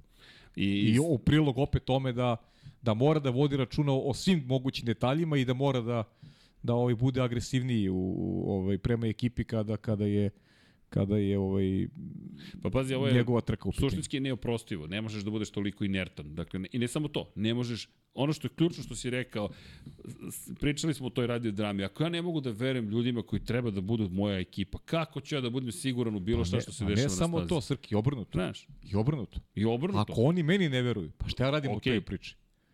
Znaš, znači ne osjećam se dobro. Ako mi, ako mi ne veruje tim, znači ja... Šta ću ja tu? Ja šta da radim? Ja, ja Bolje treba, je za jedne i za druge ja da se treba, raziđu. Tako ja treba da tražim, mišljenje. treba da tražim ovaj Neko drugo neko rešenje. Drugo, pa da, neki drugi tim. Evo ti pri priča o Fernando Alonso. Dakle, da, i dobio je fantastičan bolid, ali prilično sam siguran da se ekipa... Pogledaj, meni radost Fernanda Alonso na kraju trke. Opet, to mi isto jedna priča. Meni je Kanada kao Reli 1000 jezera, velika nagrada 1000 priča. Zaista, 1000 priča. Kako je on spustio Magnum onu bocu među svoje mehaničare koji slave, koji se raduju, koji kao mala deca se ponašaju. Nisu pobedili, ok, o tome ćemo verovatno ponovo pričati, ali ta radost koju Aston Martin u ovom trenutku osjeća, što ti, ti si mnogo lepo rekao, oni pišu svoju istoriju. Pazi, to nije tim koji je navikao da se penje svaki dan na pobedničko postolje. Ovo je sada njima navika. U osam trka šest puta je Fernando Alonso bio na, na pobedničkom postolju. Šest puta u osam trka. To nije slučajnost, nije desilo se. Ne, to je njihova realna pozicija u šampionatu. Ili bolje rečeno, njegova realna pozicija. I, Da, i to njegova. hoću da kažem, znaš, to je čovek za koga važi da je težak za saradnju, neprijatan, da se ne uklapa u timove, odjednom je u nekom mestu koje njemu Pa odgovara. dobro, znaš kako, to ima veze i sa godinama sada, znaš. Mislim, to je verovatno i neki ego sada, znaš, malo je ovaj, spušten ovaj, na, neku, na neku normalu i, I to se vidi i kroz komunikaciju kako se on ponaša prema timskog kolegi, bez obzira što timski kolega ne daje ništa, ali, ali ajde da budemo do kraja iskreni, možda je takav baš zbog toga što timski kolega ne daje ništa, pa pritom je i sin vlasnika, pa Znaš, ima, ima, ima i tih ovaj. Svećamo se kakav je Fernando bio. Promenio se. I normalno, ljudi se menjaju s godinama. To je, to je razumljivo. I uzima, uzima ono što mu se nudi na najbolji mogući način. I rezultati su stvarno fantastični. To me vraća Ali za, dole... kap, za kapacitete tima, za, na račun tog njihovog napretka, mislim da bi mogli da gureju da ima nekog boljeg timskog kolegu koji bi mogao i Fernanda možda još više da pogura Ajo. i ovaj njega. To bi bilo idealno. Ajmo ovako, ne možda. Sad više nema možda. 37 poena ima Lance Stroll. 37 bodova za 8 trka. 100, 17 poena ima Fernando Alonso. Dakle, mi pričamo, ako pomnožiš sa 3, 37, dođeš do 111. Mi pričamo o čoveku koji ima tri puta više poena od tebe u šampionatu sveta. Ne, ne znam koju diskusiju dalje vodimo. Evo samo da napravimo poređenje između klubskih kolega. Max Verstappen, Sergio Perez. Razlika nije puta 3. Dakle, nije puta 3 u korist Maxa Verstappena. Ima 69 pojena više, ali opet to nije puta 3. Fernando Alonso, Lance Stroll puta 3.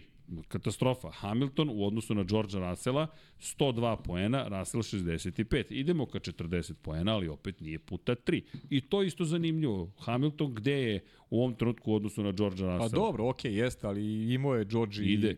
George ima dobru sezonu generalno.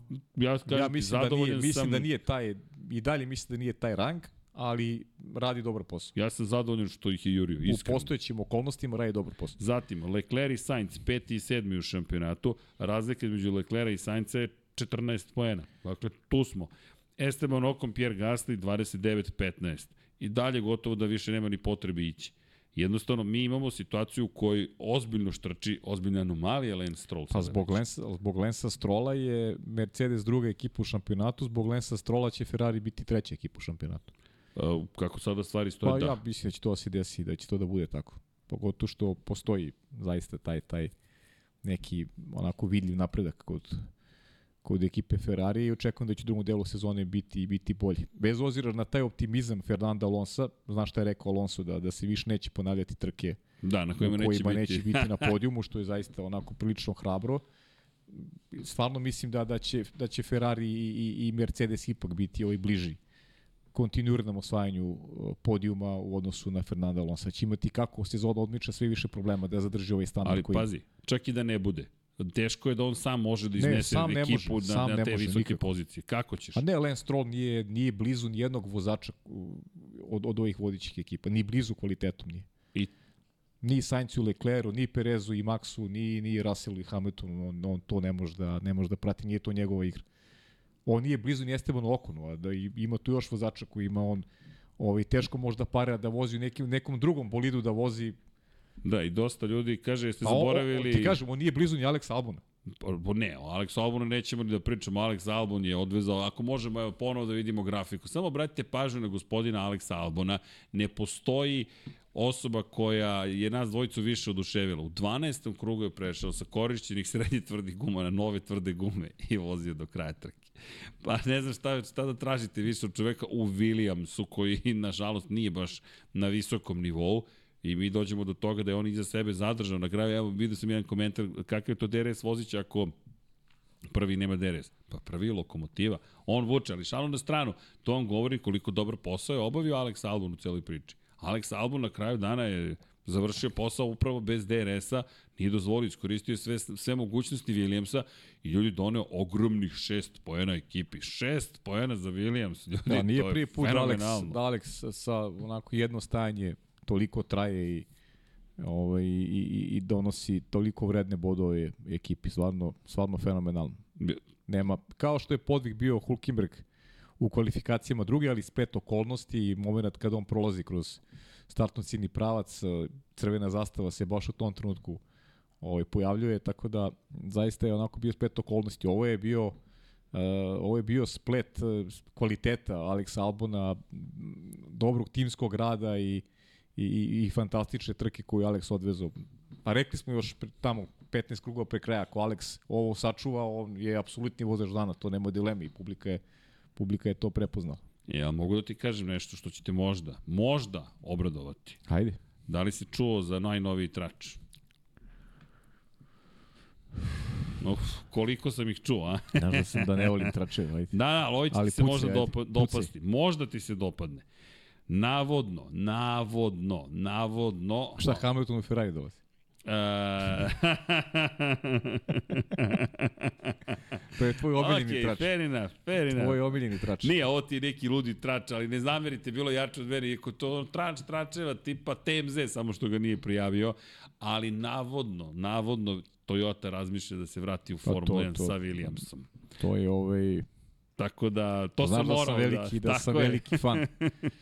Volao bih, da, volao bih da se to dogodi. Da, i inače, čisto da, da vas to ne zbuni, ne, ne bi bilo prvi put u istoriji da Williams i, i, i Da, i to Toyota sarađuju, tako da, eto, ko, to je neko, ja mislim, iskopao iz cele priče To i bi, rekao, to bi bio spas za, za, Zamisli. spas za ekipu. zamisli da se Ali pojavi. pazi, e, ovakvi rezultati Alex Albone i ovakve trke ovaj, mogu da pokrenu stvari sa, mr sa mrtve tačke. Ima, Za- ima, ima sreću Williams da ima Alex Albon.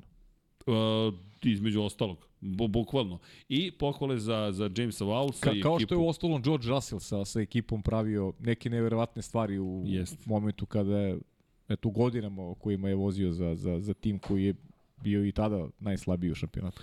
Da, ali, ali kažeš ti, bilo jače od mene, kao Williams Toyota, rekao, ok, to se sećamo, to je bilo, imali smo i godine kada su oni, po krajem slučaju, bili veoma dobri sa Toyotom, prva Jeste. godina saradnje je bila zaista dobra, ok, nije to ono što želi ni Williams ni Toyota u tom trenutku, pogotovo, ali četvrti u šampionatu konstruktora su bili, oni su samo ispred njih su bili Renault, BMW, Zauber i Ferrari.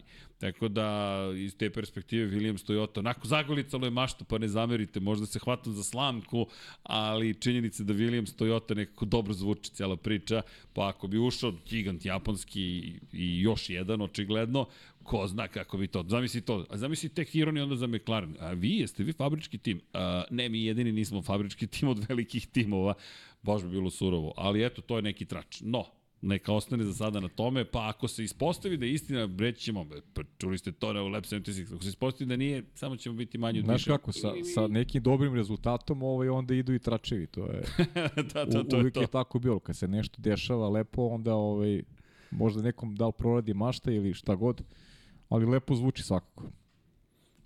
Pa kažem ti, čuo sam i bio sam fazonu, ok, ovo moram da podelim sa Pajem, jače od mene, ali dobro. E, inače, kada pričamo o, o, o, o generalno tom, toj situaciji u Aston Martinu, Alex Albon, pričali smo, spekulisali, zamisli da, da ode i Alex Albon, da ima mnogo potencijalnih i neko je pitao što ste zaboravili Filipe Drugovića. Nismo ga zaboravili, ali to se lako desi ljudima koji se ne nađu na pravo mesto u pravo vreme, bez obzira koliko su dobri u nečemu. Jednostavno se nađete u situaciji da to što ste radili do sada nekako postane neprimetno zato što jednu sezonu ste proveli van kamere. Znaš ne kažem da ja- će se to desiti, Ja, samo ja ne verujem prvo da će se desiti da Lance Stroll ode iz ekipe, to prvo. Ne verujem da se desiti, a, a opet ti, ne verujem da će menjati ovaj, Drugovićem Strola. Jer ako budu to radili, onda će ovaj, Lorenz da dovede neko Tako je. ime. Tako da ovaj, nisam siguran da, da Drugović u neko skorije vreme ima šansu. Njegova najveća šansa je bila da se pojavi u onoj prvoj trci Jeste. i da, tu, i da tu uradi nešto tipa Nick De Vries To je to. i da ako ništa drugo onda kupi neku poziciju za, za, za kasnije. I mnogo mi je žao što se to nije, to smo pričali na otvaranju Mhm. sezone, ali očigledno da je i Lens vrlo dobro znao šta to može da, kakav efekat može da izazove, tako da je ovaj, brzo ovaj, se vratio u bolid možda je nespreman i vozio. Možda i sad nespreman. Upravo to teo ti kaže, moguće da je s, s, na, na formu ove, le- strola ta, ta refleksija onoga što se odigralo pre početka sezone i činjenice da je vozio nespreman na početku uticala da ovaj, on ne pronađe pravi ritam i da, Pazi, da pa izgleda evo, ovako kako izgleda danas. Mi ni ne znamo u kakvom stanju su njegove ruke, ni, ni, ni sada. Ne znam. Mi možemo samo da nagađamo, ali mi ne zapravo nemamo potpunu informaciju. Delo je da je sve okej, okay, ali rezultati ne pokazuju da je sve okej. Okay. Pokazuju da zapravo ništa nije okej okay, kada je reč o formi. Opa, Koki, Koki krenuo da nam ruši studio, nemojte da brinete. Mi smo pet friendly. Pet friendly. Koki je ozbiljan huligan. Ozbiljan huligan, a baš je pravi huligan. Dobro. Jest. Znaš kako, povuku na gazde. Jeste. Pa, to, da. to, ako sam ja to tako čitao. Da, Jeste, da, da. jeste. Uvek povuku E, na gazde. dobro mu je duksirica, 99 yardi duks. Eto, ko voli NFL, imate shop.infinitylighthouse.com, imate i to. Karakterom, karakterom su uvek na gazde. Kažem ti, plivale ajkule s miksom i preživele, tako da, da je poveo Kokija, Strašno. teško da bi preživele taj susret, ali dobro. Inače, apropo i rezervnih vozača, Logan Sargent priča se da će možda morati da napusti ekipu Williamsa, ali ni tu ne figurira Felipe Drugović, nego Mick Schumacher. Mick Schumacher, da. Pa i mislim da bi to onako bio dobar potez za ekipu Williamsa. U smislu neki komercijale i i na stranu to što i, i negde i verujemo Mika ovaj, da, da, da može da, da, da nađe neki, neki ritam bolji. Da mu je taj izlazak iz Hasa možda njemu i prijelo. Znaš, da se malo, da vrati neki fokus i da sada opet uz tu negde Tota Wolfa pronađe neki put. Setimo se da je Okon imao pauzu godinu dana takođe. Pa je opet Pa se Uspeo. vratio, na kakav način se vratio? Okon svaku šansu koristi. Okon je sjajan vozač, definitivno. Me- meni se baš malo dopada sada. S teme na temu, ali, to, ali. Okon, Okon, je, Okon je stvarno fantastičan. Ali, apropo, samo kratko, Mika Schumachera. Mik Schumacher prva sezona sa Nikitom Mazepinim. I nijedan ni drugi nisu imali od koga ništa To da je, nauče to je da najgori pokrenu. potez, to je najgori potez Hasa. Bukvalno najgori Uz dužno potez. poštovanje Mazepinu, ali A njih dvojica zajedno, Novajlije tu, koji ne znaju je, ništa. Schumacheru je trebao neki Raikkonen, trebao mu je neki, ne, neko ko će da ga onako uvede na pravi način u Formuli 1, da će imati neki reper u rezultatima koje treba da prati šta treba da uradi da bi on bio bolji sledeće godine. On imao Mazepina, Ima Zepin i njega. ima Zepi i njega, ali, ali dobro, mislim, razlika je. Ne, u kvalitetu Miki postoji. Miki je bolji vozač Ali od Mazepina, niko nije, nije tu nije mogao da, da, da suštinski napreduje. Tako je, niko tu nije vukao ništa, a, a pritom je postao neki jaz znaš, iz tih mlađih ovaj, dana i iz tih nižih kategorije, serija, tako tako, je. da je nije to bio dobar potez, a onda se ono se dešavalo prošle Kevin godine. Magnussen Kevin došao, tako je, jedan onako Pobrao Lovorike. dobar vozač, pritom zreo čovek, Jeste. Pobrao Lovorike, Tako. što kažeš, nije, nije, nije pravio greške, a, a Miki u toj želji da, da bude kao, kao Kevin, ovaj, ušao u seriju grešaka i materijalne štete koje, koje je pravio Ginu Hasu koji se hvatao za glavu iz nedelju nedelju i to je sve dovelo do toga da se vrati još jedan i da izgubimo Meka privremeno, ali ja verujem da će da će Toto Wolf naći način da ga ovaj da ga lansira. Mislim da je Pa najbolja da je opcija, da je Williams- Williams najbolja opcija, pogotovo što Logan Sargent ovaj, mi Logan Sargent realno nije na nivou Mika Schumachera, da budemo iskreni. Pa nije. Pa je nije to dobio kroz- je svoju šansu. Kroz niže serije smo to mogli jasno da vidimo. Ja sam To je- stvarno bio oduševljen u početku, rekao, ajmo Logan, ima tu nečeg, sad već Pa počinje dobro, da mislim, popušta. da, ti si ovaj, neko ko onako... Reci, Pa slobodno. ne, ne, o- ali ozbiljno, ti si imaš ovaj, baš onako jaku želju da da neki, neki mlad momak uspe, ajde, ajde tako da kažem i uh, možda, sam, možda sam u to vreme malo više pratio te niže serije od tebe, u vreme, u vreme kad je Logan Sargent vozio. Aj, ti znaš je te ružičaste, roze, Da. cik, oči, kako god hoćeš, i onda gledam i razmišljam. I stvarno mi se dopalo u početku, ali, ali sad već mislim da, da je pritisak toliko velik da, da, da neće ovo izdržati. Da, da jednostavno još mu otkaže boli, Pa, znaš, sve se zajedno da dešava. Ne, ne, ne izdržava, znaš. Pa, i, i, A za Mika recimo da ima Albona u sebe, to je ozbiljan benefit za njega. Jest. Da recimo pola sezone vozi i da treba da prati, da pravi, da bude blizu rezultata Alex Albona. To njemu može da pomogne da, da sazri pa kao i vozač. psihički i da ostali da ga vide i tako Jeste, dalje i tako jeste. dalje. To može da, i mislim da bi bio dobar potez i za Williams. I za nas, da vi znamo, Mik, jel jesi ili nisi? Definitivno, dobijemo odgovor na definitivno to bio pitanje. dobar potez. Definitivno. Mi I- trenutno nemamo I odgovor. ovo nema veze sa, sa prezimenom Schumacher. Ovo nema veze sa Schumacher. Ja nikad nisam bio fan Mihaela Schumachera, eto. Nikad nisam bio njegov fan. Ali e, stvarno želim Mik da dobije još jednu priliku, zaslužio da dobije tu šansu. Jer set, setimo se koliko je dobar bio u Formuli 2. Taj drugi deo sezone, pa i u Formuli 3. uvek. Uvek, drugi deo Formula sezone. 4 tamo, ne Tako znam. ja. uvek vozi dobro kada je najvažnije. To je negde pokazatelj nekog mentalnog sklopa, kvaliteta koji posjeduje. Tako da, znaš, nije on zaboravio da vozi. Samo mu treba dati šansu, a rezultati koji ima u nižnim serijama ovaj, sugerišu da on tu, da on tu šansu Pa zaslužuje. i ono što je uradio simulatoru i zahvalnost koju su izrazili ozbiljni ljudi na kontu Jeste. njegovog rada je nešto što što ga preporučuje. Pa ajde da vidimo. Pri čemu ta cijela godina sa Kevinom Magnussenom zaista nije bila laka. Kevin je... Da, inače Kevin, morate priznati da me oduševio u Kanadi. Njegova izjava. Nick De Vries za one koji eventualno nisu obratili pažnju, mada ne znam kako, kako ste mogli da propustite ukoliko ste gledali trku, gde Nick De Vries pokušava da ga pretekne, lepo trkanje između njih dvojice, točak na točak, idemo ko će gde, ko će gde, i Nick De Vries koji pokušava zapravo da ga s unutrašnje strane pretekne u trećoj, četvrtoj krivini i maši kočenje. I Nick De Vries koji objasnio, ali prljava staza, neravna staza. I sve to istina, ali De Vries standardno već počinje da, uh, taj metar malo kasnije kočenja, ali Kevin Magnus, kakav car, kaže, a ko sam ja da imam, da imam prava da se bunim? Bukvalno, za njega važi da je jedan od najagresivnijih vozača u Formuli 1. I on čovjek nije reč rekao Niko De Vrisu. Rekao čovjek je pokušao da me pretekne, izgubio kontrolu, blokirali mu točkovi, ja sam bio sa spoljne strane, nesrećan slučaj za mene, ali ja nemam, ja nemam, trkač, ja nemam prava da se bunim. Koliko puta je točak stavio gde je pomisliš, ne, ne, Kevine, svi znamo kad kreneš da obilaziš Magnusena da će biti drama. Ali, fair enough, pošteno, tebe je sada neko napao, Pa pogrešio, da, ono, kraj. nije ono pravila Kraj. važe, pravila važe samo za mene. To se zove tiranin, klasičan. Znači, pravila za... Uveo sam pravila, važe Da. za sve vas. E, to nisu pravila, to, to je nešto drugo. Tako da ili, se ili, mnogo ti, ili dopalo. ti to, znaš, ja smem, a vi ne smete, znaš, To, to, to. pravila, znači su samo ja mogu. Ali oduševio me, baš, pa da, dobra izjava, naravno. ispustio loptu i ništa nije mahao, ništa, samo kulturno. On, oj, a pazi, to je potpuno drugi Kevin Magnussen, kao što si rekao, zreli Kevin Magnussen, zvuči neverovatno. nema godine, To godine to. su čudo. Jesu. I Godine su čudo. To je, to je otac. ta priča i o, i o Nandu isto. Stvarno je bio težak, imao je poteze Jeste, koje... jeste. Ono, ono sa McLarenom nikad ovaj, jao, gde mi je Srki Petković, izvini. ne bi, ne bi, mislim, GP2 znaš, to motor. Je, Baš loša izjava, ali pa nije, kako, kako? I, i talje bi ozbiljnih godina. Slušaj, napusti prostoriju. ali ovaj... Ozbiljnih godina. Miksa ovde i tebe je uvredio, Da. samo da znaš. Znači, Nije- Nando je tad imao 30 godina, taj Ali fazon. ni, ni iz Ferrarija nije otišao baš, ni iz Ferrari nije baš otišao u neku, u Nije otišao ljubavi. u znaš. sve, da, da, u ljubavi. Au, šta nam je rekao, au, preseče nas ovaj omladinac. Ima, koliko imaš? Dva- 19? 20 si napunio, jao. Ti si jedino na mojoj strani. Jao. Mi klinci smo najbolji. Ovaj, pusti ove, ove veterane. Kaže, u tad je bio ozbiljnim godinama. Jao. Ali dobro.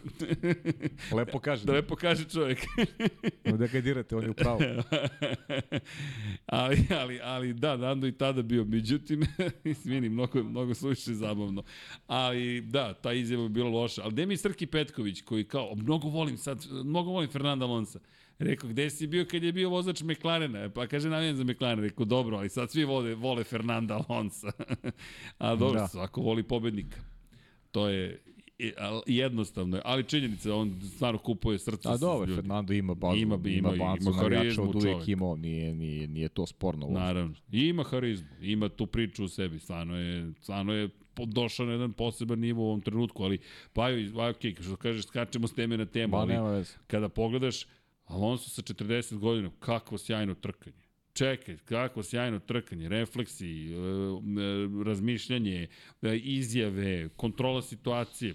Čovjek je trenutno u Pa, spektakularnoj formi. mislim, kako, kako živiš, tako ti se kroz sport vraća, znaš, to je, to je, to je suština. Očigledno da su i oni Hamilton Dobro ime. Pa da, da, očigledno da su fizički spremni, da su posvećeni sportu i, i to se vidi kroz, kroz trkanje se vidi. Nema, nema, nema dileme. Tako da. Lepo ih je bilo gledati. Jest, Iskreno, jest, baš jest, ih je bilo lepo gledati. Znaš kako, uz dužno, pošto ja stvarno, ovaj, meni je bilo žao generalno za, za Nika što je dobio, Hulkenberg što je dobio kaznu, ali za trku, za trku mi je ovaj, bilo bolje što je Fernando u prvom redu, pa sam možda čak i mislio da će biti agresivniji na startu, pokušati tu da nešto napravi, znaš, imaš tu sad Max protiv dva šampiona velika, ovaj, je tu i George Russell, nekako sam ovaj, bio jedan zanimljiv početak trke, međutim i tu je Max odradio fantastičan posao i sad se vraćam i na kvalifikacije, oni, oni promenljivi vremenski uslovi, ovi, kakvu razliku je imao recimo nakon Q2, Da, ne, pa to je bilo kraju, besmisleno. ono, ono je stvarno... Besmisleno.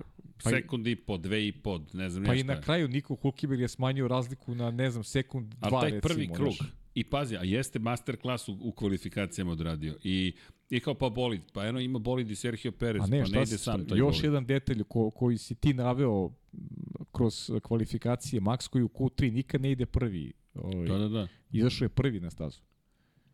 Opet. Izašao prvi na stazu, opet kalkulacija dobra, opet proračun njegov ekipe, sve rade, sve rade u pravom trenutku. I onda kad radiš prave stvari, onda ti i sreća nagradi.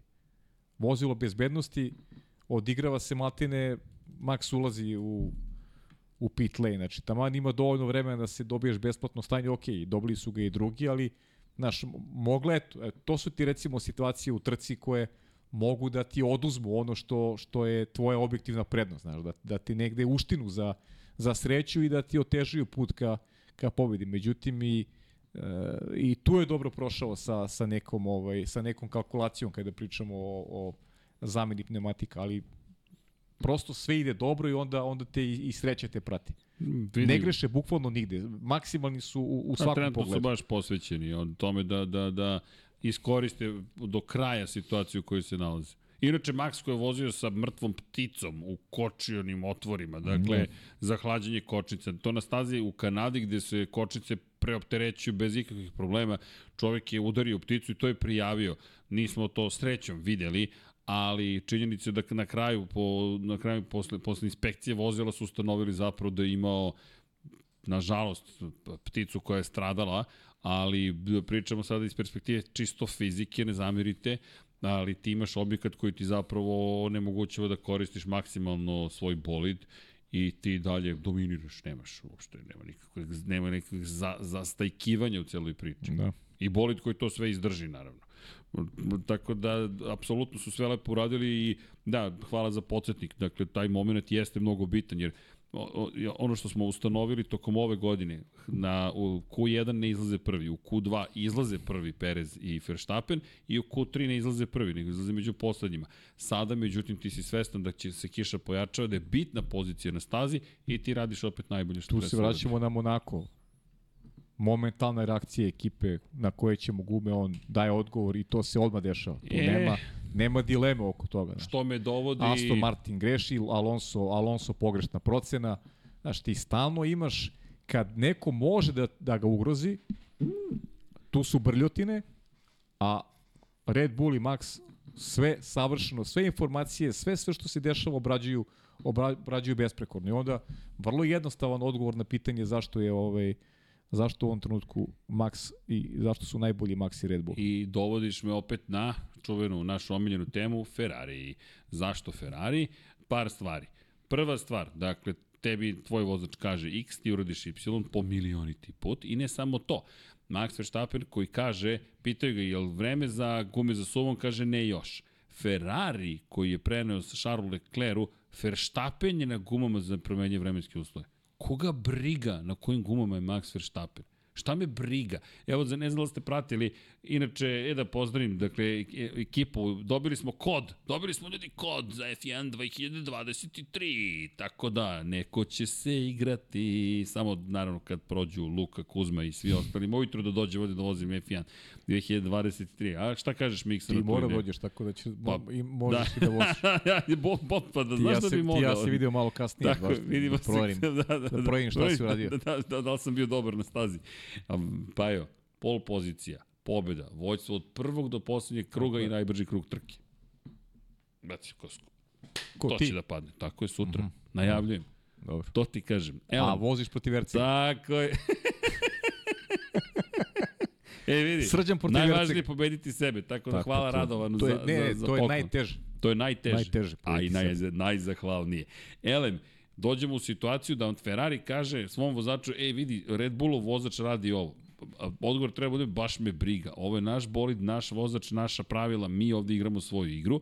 I ima tu još par stvari. Apropo te, te priče o, o, o zapravo promeni strategije i generalno Ferrari. Kao što si rekao, napraviš Papazijani od svojih kvalifikacija, malo i nemaš sreće, ok, to što je Oskar Pjasti udario u zid, pa smo imali crvene zastave, možda je mogao Sainz i bolji krug da odveze, sumnjam, ali ok, zato što se kiša pojačavala i mislim da je to bilo to. Bilo kraj, da. Da, mislim da je bio kraj. Ali generalno Ferrari kao Ferrari opet ta cela priča o tome kako ti rezonuješ i inače kažu da je test koji su obavili pre dve nedelje da guma za Pirelli, zapravo pomogao ekipi Ferrarija da dođe do toga da ustanovi kako može bolje da ima tempo u trkama i kontroliše pneumatike. To je neprovereno, čak i Leclerc rekao polako. Pa Kanada vidit je ćemo, specifična. Vidit ćemo, vidit ćemo na Red Bull ringu. To Tako je. I to je rekao. Tamo ćemo da vidimo zapravo ko, kako će stvari da funkcionišu. Jer ovo je mikrotest, za sada položen u trci, izgubljen poraz u kvalifikacijama, o ironije, ali, ali mi zaista to dovodi upravo do toga da, da pričamo opet, nažalost, o Ferrari iz te perspektive. Ali ajde da držimo palče da se tu nešto Pa desi. dobro, ali mnogo više pozitive ime Jeste. nego, nego negative, za razliku od prethodnih ovaj, a, prethodnih trka. Tako Ali, da, naš, Imam još možda, jedno ali. će, možda će naučiti sad bolje da se slušaju, ne znam. Ajde, ajde da verujemo da, da, da, ide to, da ide to na bolje. Jer bilo bi super da zarad sezone da Ajmo ovako. znamo šampiona, znamo ko će da osvoji titulu, Pa evo. ali ajde da da nam trke budu da nam trke budu bolje. Ma biće. A slušaj sad ovo. Gume za Red Bull Ring. Ti zvuči poznato. C3, C4, C5. Iste gume koje su korišćene sada u Kanadi stižu u Austriju. Dakle, to je to, test. Ako se ponovi, rešili su pitanje najmekših guma. I onda idemo u Silverstone gde gume ne da stradaju, nego jedva preživljavaju trku C1, C2, C3. E, to je onda test testova. Ako tu Ferrari bude imao dobar tempo, možemo da pričamo Slažem o nečemu zbiljnijem. I to je mnogo lepo. Tako da, Sve zašto gledate trke? Zato. Jeste. Ali, znaš šta nisam rekao? CV da spremiš. CV da spremiš, da se seliš, da radiš za Formulu 1, jer rekao si u trci, u momentu kada se pojavili, kada su se pojavili nazad na stazi, Charles Leclerc i Carlos Sainz. I Charles Leclerc koji nije uspeo da smanji razliku u tom prvom krugu pošto su izašli na gumama, šta si izgovorio? Pustite Sainca ispred. Pa da, to su pričali na početku, da. To, to je. Da, da, ali, ali mnogo je bitan taj moment. Na kraju se ispostavilo da bi bilo bolje da su ga pustili, makar bi nešto probali. Nisu čak ni to probali. Staviš pod pritisak vozača ispred sebe. Pokušaš, Znači, čoveč. bilo jasno da ima bolji tempo. Ono, ono je ozbiljno, ozbiljno je potrošio on i on je prednji desni pneumatik. Ne. Charles Leclerc napravio veliku grešku. Jeste. I ti puštaš Sainca da ti da, da nešto učini u cijeloj Nešto toj priči. probaš. Ima, Tako je. nemaš mnogo mogućnosti, pa, pa iskoristi ih. Probaj da iskoristiš nešto. I to je vrati mu poziciju na kraju. u Krajnji Nema slučaj. problema. Vratiš mu poziciju ako ne uradi ništa. I onako se ne borite za pobedu. Tako je, Ali, pobedničko postolje može biti baš nekome dobro. ko izgleda bolje, pa u krajnjem slučaju Sainz je to i, i sugerisao kroz trku. S Jeste. pravom. S pravom je sugerisao kroz trku, ali opet to je Ferrari. I ono što si rekao, se, do, do nešto se dogovore pre trke kao da nemaju Tako sposobnost deluje. da, da menjaju deluje, da, svoje da, ne, da nemaju sposobnost da se prilagode.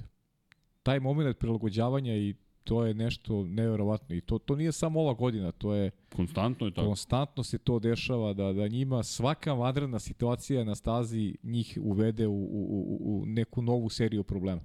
Svi drugi se bolje prilagode, spremniji su da da da reše a, a ono što se dešava u realnom vremenu, a, a Ferrari se slepo drži ovaj nekih nekih dogovora iza zatvorenih vrata, tako da stara priča, rekao bih Srki. Ponavljamo se već, ali šta da radimo? Znaš, idemo, idemo od trke do trku, kad se oni ponavljaju, moramo i mi. Šta da radimo? Ne možemo da kažemo da, da, da je sve da je sve super kada kada nije, ali da je bolje, to to nema nema govora. Mm, Pazi, gde, znaš gde je bolje? Možda tamo gde nismo nužno ni ti ni ja očekivali, mislim da smo pocenili rešenost Aston Martina da ovo, u ovoj sezoni gura razvoj do kraja. A, kriju, pazi, oni su, Alonsove reči, dosta su hrabre, znaš, da neće sići sa pobjedničkog postolja. I kada pogledaš u Kanadi šta je Aston Martin doneo od unapređenja, delo je da zapravo nije, nije mnogo toga. Ali fotografije ih otkrivaju. Inače, pozdrav za Anesa Begovića, našeg dragog saradnika oko F1 Technical. Ne zamerite, ne stižemo trenutno baš sve da uradimo, ali tu smo, tu smo. I dogovorili smo se sa Anesom da istestiramo ove najnovije promene aerodinamičke. Jedna velika promjena se zapravo desila u Kanadi, gde je došlo do toga da zapravo je ekipa autosporta, mislim, prva primetila, ili bio Amus, nisam siguran, automotorni šport, da su zapravo na- način na koji su bokovi dizajnirani su ponovo promenjeni. I promena uopšte nije tako mala. Na oko izgleda kao neka... vra- Ne, ne, ne. Oni su nastavili ozbiljno da, da, da, da menjaju aerodinamiku svog bolida. Zašto je to, moje mišljenje, mnogo važno? Na stranu što ne možete tek tako da promenite motor, već je u kontekstu onoga što je Adrian Newey uradio, kog smo videli na početku, na, na fotografiji, onoj legendarnoj sada već, dakle, je razvoj aerodinamike. Inače, super mi je bio, ne znam da li e, gledate Ted's Notebook, ali gledajte Ted's Notebook, Ted koji je fenomenalan, naj, šeta se po pit lane-u, to je mnogo lepo osjećaj. Zamisli, šetamo po pit lane-u sa mikrofonom i, e, izvini da te pitam, znaš, naravno, poznajete ljudi, dugo je tamo, ali taj moment gde, gde seća Jedina nju i ja, i posle kvalifikacije ga pita, da te pitam, kaže, rekao mu je, moram ti nešto reći, nisam verovao da mogu da se zaljubim u 3D objekat. Zaljubio sam se u pod Red Bulla 19. I bilo ga je, kaže, i lepo je bilo videti go Monako, a Adrian Newey kod gora, a to je pomalo bilo nesrećno, što su svi mogli da vide na naš po... I to je za bit unfortunate. Ali onako britanski, a verovatno. I on mu kaže, koliko je trude ušlo ovo, kaže, to su, to je, to su meseci, meseci razvoja i Kravici ima taj taj dobar zaključak da zapravo je Red Bull razvio pod bolide. I zašto se sad vraćam na Aston Martin? Aston Martin, mislim, Pajo, da, da možda ćemo morati da uradimo reviziju onoga što smo videli. Ja i dalje stojim pri tome da mislim da će Mercedes koji je najavio unapređenje veliko za Silverstone odneti pobedu tu, pre svega ok. I čak, čak ne bih pravi gledao kroz poene, nego mislim da će na kraju biti čekaj, Alonso... Čekaj, od, po, odneti pobedu u odnosu na Aston Martin. Tako je, tako je, tako je. Da, ne u odnosu Red Bull, to. Ne, ne, mislio sam da pričaš to, to, o Silverstonu, pa sam pomislio da aludiraš da će Silverstone pobediti. Ne, ne, ne, ne, ne, u Silverstonu stojim pri mojim rečima, u Mađarskoj mislim da će biti žurka za, za, za Mislim da tu možemo da imamo potencijalnu reprizu Monaka i šansu za, za Aston Martin i Mercedes da nešto urade. I, i tu čak naginje više ka Aston Martinu, mislim da će ta staza više odgovarati. Ali mislim da tu moramo samo da obratimo ozbiljnu pažnju na, na razvoj koji ulaže Aston Martin u ovogodišnji bolid. Ali nešto mi je zanimljivo? Fe, uh, Lewis Hamilton je rekao da smatra da je vreme da se batali razvoj bolida za 2023. I da ukoliko Mercedes želi zaista da parira Red Bull u sledeće godine, da već sada mora da počne, počne ekipa da radi na pa, slobodidu u sledeće godine. To ti je čudno nešto. Ne, nije mi čudno. Mislim da je mnogo to, to, to je, da, da je pa to... Pa jasna poruka, to ti je... je. Luis zna da, da mu curi vreme i da svaka nova godina je sve teže uraditi ono što mu je želja, to je da osvoji osmu šampionsku titulu. Zanimljivo je da je to javni stav i to ono pa, što mi se dopada. Pa naravno, ali to, to je... Ajmo ljudi. A ko će da kaže to ako neće Luis? Vođa ekipe mora da kaže. To je popuno realno. Da li treba Mercedes da napreduje da bi pobedio Aston Martin do kraja godine? To, to je prošle godine smo pričali o tome. Zašto je bitno Ferrari da bude drugi? Pa nije bitno da bude drugi. Bitno ti da imaš boli da se bori za šampionsku titulu. Isto je tako sada priča sa, sa Mercedesom.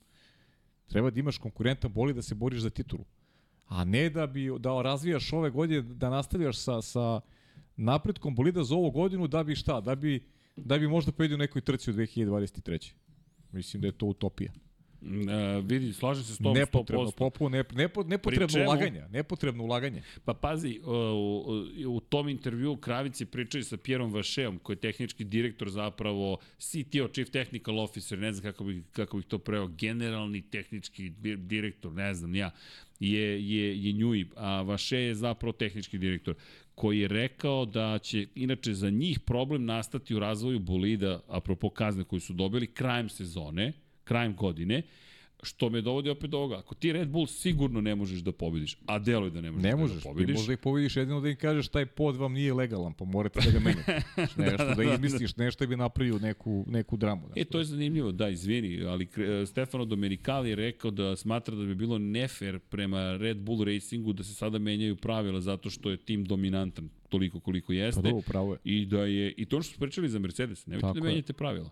Dakle, to što je Mercedes uradio bolji posao, Žao je. Uradite bolji posao. Ili pa ti, to je, to je tim, rečima Kristina Hornera Bestovski, promeni svoj bolid. Imaš, imaš šampionat konstruktora. Imaš. Pa oni su, oni su radili najbolji posao. I sad šta, menjaš pravilo da bi, da bi neko drugi bio najbolji. To je, to je glupost. Da, mnogi smatruju da je da ova promena zapravo i bila pod uticajem toj velike dominacije Mercedesa i da zato treba ponovo menjati. Ja stojim prizi da nije trebalo uopšte ništa menjati da bismo imali mnogo konkurentnije sve bolide Slažem zapravo. Se, ispostavilo se da je tako. Znaš, jer ti uvek to je plaši ta promena plaši ere. se da ćemo u 2025 imati jednu super sezonu. Tako je, tako je, tako je. I da ćemo onda ući, da ćemo onda ući u promene i da će 2026 pa jo. ne znam, neko dominirati. Ajmo da zapamtimo datum. 20. jun. Jao, pa sad je 24 godine kako mi se Burazir ocelio u Čile, moram da ga zovem. On to obeležava kao drugi rođendan. Dakle, čovjek koji se ocelio pre 24 godine, ali dobio ponudu za posao, otišao i kaže, ja što je ovde dobro, eno ga još uvek tamo. Pozdrav, stiže ekipa. Čile, e da, neko je pitao, će biti i Lukas. Dolazi, Lukas, dolazi cijela ekipa. Videli ste ih u dvorištu u Santiago, sad će biti u studiju na kraju univerzuma. Inače, deci dalje žive u ubiđenju da sam ja multimilioner, zato što sam na YouTube-u. I ja ne mogu deci da objasnim da sam multimilijarder, ali aj sad, Neka, neka žive u ubeđenjima neki. Neka zovu meni, ja ću ti moći. ali oni svoj mami i tati, ali stric je bogat, znaš, on ima pe, pa play, PlayStation 5. to sad dok Kako nisu je imali. to pogled? pa to deči. A? Dečiji, A, pa. reci. Na YouTube-u si imaš Po, PlayStation pogled 5. iz Čile, pogled iz Čile. U svakom slučaju, da, Buraz je otišao, ali da zapamtimo 20. jun 2023. Ko osvaja titulu 2026. Timski, ovako, kad gledamo. Ko će? 2026. Tako je. Pa ne znam, ali ti kažem, Znaš ko? 2025. će biti čarobna. Znaš ko? Deki nam je rekao. Audi. Audi. Audi. Evo, luda izjava tri godine unapred. Tri i po unapred. Moramo ovo negde da zabeležimo. Dakle, Audi osvaja titulu A, 2026. nekako godine u ulazimo Formuli te 1. prognose. ne, ti si mnogo zbiljniji po tom pitanju. Pa ne, nisam. Ali suviše nego- mi zabavno, moram ti reći. Zabavno jeste, ali... Ali Okej. mogu, znaš šta, mogu sad nešto da, ono... Toyota, To, Toyota. to ti kažem, pa Audi i Toyota se bore za titulu. Da, ko to ne bi gledao. Ali, ali Audi, zapamtite ovo, Audi. Evo, neću, moram da zapamtim ja da ne bi menjao svaka Ali dva sam dana. gotovo siguran da ćemo 2025 imati spektakl. Da, da, da, obećava. Pa i ovo sad već obećava za 2024. Počinju da se stvari neke kockaju i može to da bude vrlo interesantno. Pri čemu, odvratit ću se ono što se je pričao pre par nedelja. Pritisak i na Lecleru, to će biti njegova šesta sezona naredne godine u Ferrariju. Znaš, uskoro će imati sedam godina u Ferrariju, do te 25. čovjek će biti veteran Formula 1. Vidjet ćeš ti kada uđeš u naše godine, u, u moje godine. Vidjet ćeš kako to izgleda. Brže Vidjet ćeš prođe Čika. Srki, Vidjet ćeš, Srki kad budeš je. 35, 6 i onda, ja, pa šta sam ja... Pa da, ali, Šta fali 35, 36? ali znaš šta je sa, sa Pitanje je samo da li, da li Ferrari uopšte ima neko, neko pravo rešenje Pa da, da zameni Leclerc. Ima, Dino Beganović. To je navijački. Ali suštinski, da, vratili smo se opet na Olivera Bermana. Ali to je opet i dalje, on čovjek nema iskustvo nikako. Ko će da me, koga ćeš da dovedeš? Ćeš da dovedeš nekog drugog iz druge ekipe. Sad ćeš vratiš Fernanda Alonso. Pa ne, to nećeš, to, to zaboravi sad, pogotovo evo, čekamo da, da Hamilton popiše novi ugovor, dakle zaboravi Alonso i, i Hamilton, to se neće dogoditi. Jedina opcija koji im, onako možda im se otvori, možda Max Verstappen, ali to deluje kao utopija u u ovom trenutku. Lando Norris. Pa Lando Norris, navijam za tvog Lando Norris. Ej, čekaj, šta ćemo sa kaznom? Dakle, na kraju su ispostavili da smo, da smo bili u pravu. Logika za nesportsko ponašanje je nešto što je ranije bila legitimna taktika timova. Samo da pojasnimo. Dakle, ulaze bolidi u ILT. Imamo dva Ferrari, jedan malo veći, jedan malo manji. I sad, ovaj Ferrari ulazi prvi, u ovom slučaju Lando Norris u McLarenu, Oskar Piastri ga prati u McLarenu. I sad, to jest ne, ne, ne, Oskar Piastri je ispred, izvinjam se. Oskar Piastri ulazi u pit lane i odlazi na zamenu guma. Lando Norris usporava kako ne bi se napravila gužva kod McLarenovog, jel te, kod McLarenove garaže i dao dovoljno vremena mehaničarima da završe posao, da oni izađu lepo nazad u pit lane, a onda uđe na zamenu guma. I sad, da bi to postigo, potrebno je vremenska, vremenska razlika između Pjastrija koji je ispred njega i njega samoga. On usporava bolide iza sebe, pošto smo iza vozila bezbednosti, nema preticanja. I to je odjednom uvedeno kao nesportsko ponašanje. To je nešto što smo gledali godinama unazad. I prva stvar, to je legitimno, imaš pravo da to učiniš, makar do sada bilo. Druga stvar, kako je bezbednije da se zaglavi vozač McLarena na ulazu u pit lane i stane pored svojih mehaničara i da mu viri zadnji kraj u pit lane i da onda svi stoje iza njega. Pa šta sad komentarišemo? Da li je glupo pravilo ili, ili Da. šta? Pa glupo je pravilo, da, ali je, ali je pravilo. Ali je pravilo. Da, ali to je novo pravilo. Pa da, to je sad pa- novo A o tome ti pričam. tumačenje zapravo pravila i Andreja Stella je rekao da je Formula 1 došla do, do, do faze ogromnog straha zapravo u celoj priči i taj ovo je sada neka nova, no, ovo je zapravo presedan i sada ćemo na osnovu ovoga zapravo zaključivati do budućnosti šta ćemo da radimo. Morate pristiti, meni se baš ne dopada, mislim da si lepo opisao Pa da, mislim, pravilo je glupo, ali ako je pravilo, ajde da ga da se primenjuje, vidimo u budućnosti da se primenjuje na isti način za svakog vozača. I to je jedino što je meni sporno oko pravila, najviše u stvari, što nije uvek ista primjena onoga što piše u pravilniku.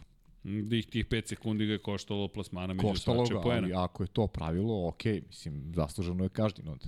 bez obzira što je mene koštalo to na fantaziju, to što je on kažnjen sa, sa 5 sekundi.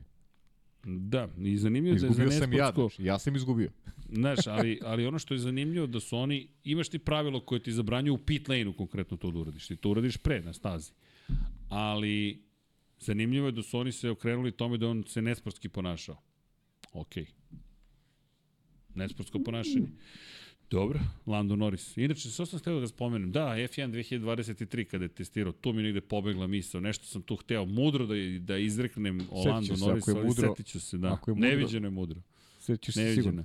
Da. Ali Lando koji je bio mnogo, no, mnogo je zabavan bio dok je testirao stazu u Vegasu i zapravo kako je komentarisao celu priču i slušaš vozača zapravo kako pristupa jednoj novoj stazi, mnogo bilo simpatično. Zašto sam to spominjem? Ne mislim da je bilo nešto u kontekstu Maxa Verstappena. Pa ne, Tako priča si o tome da, da, ga, da ga vidiš u Ferrariju.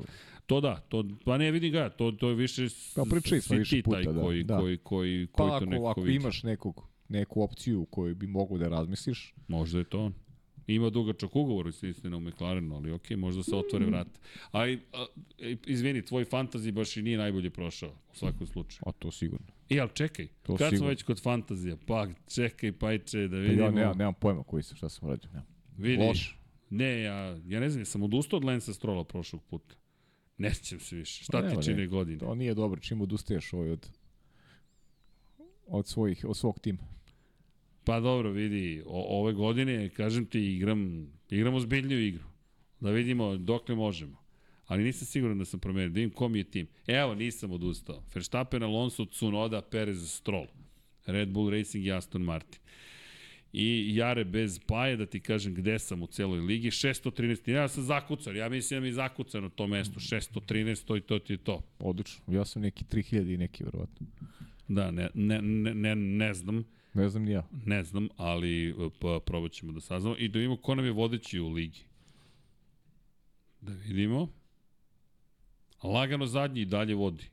Lagano zadnji drži prvu poziciju i nema tu promjena nikakvih. Lagano zadnji 2513 poena. Samo poen manje LH44. Out of Sync je napredovao 2489.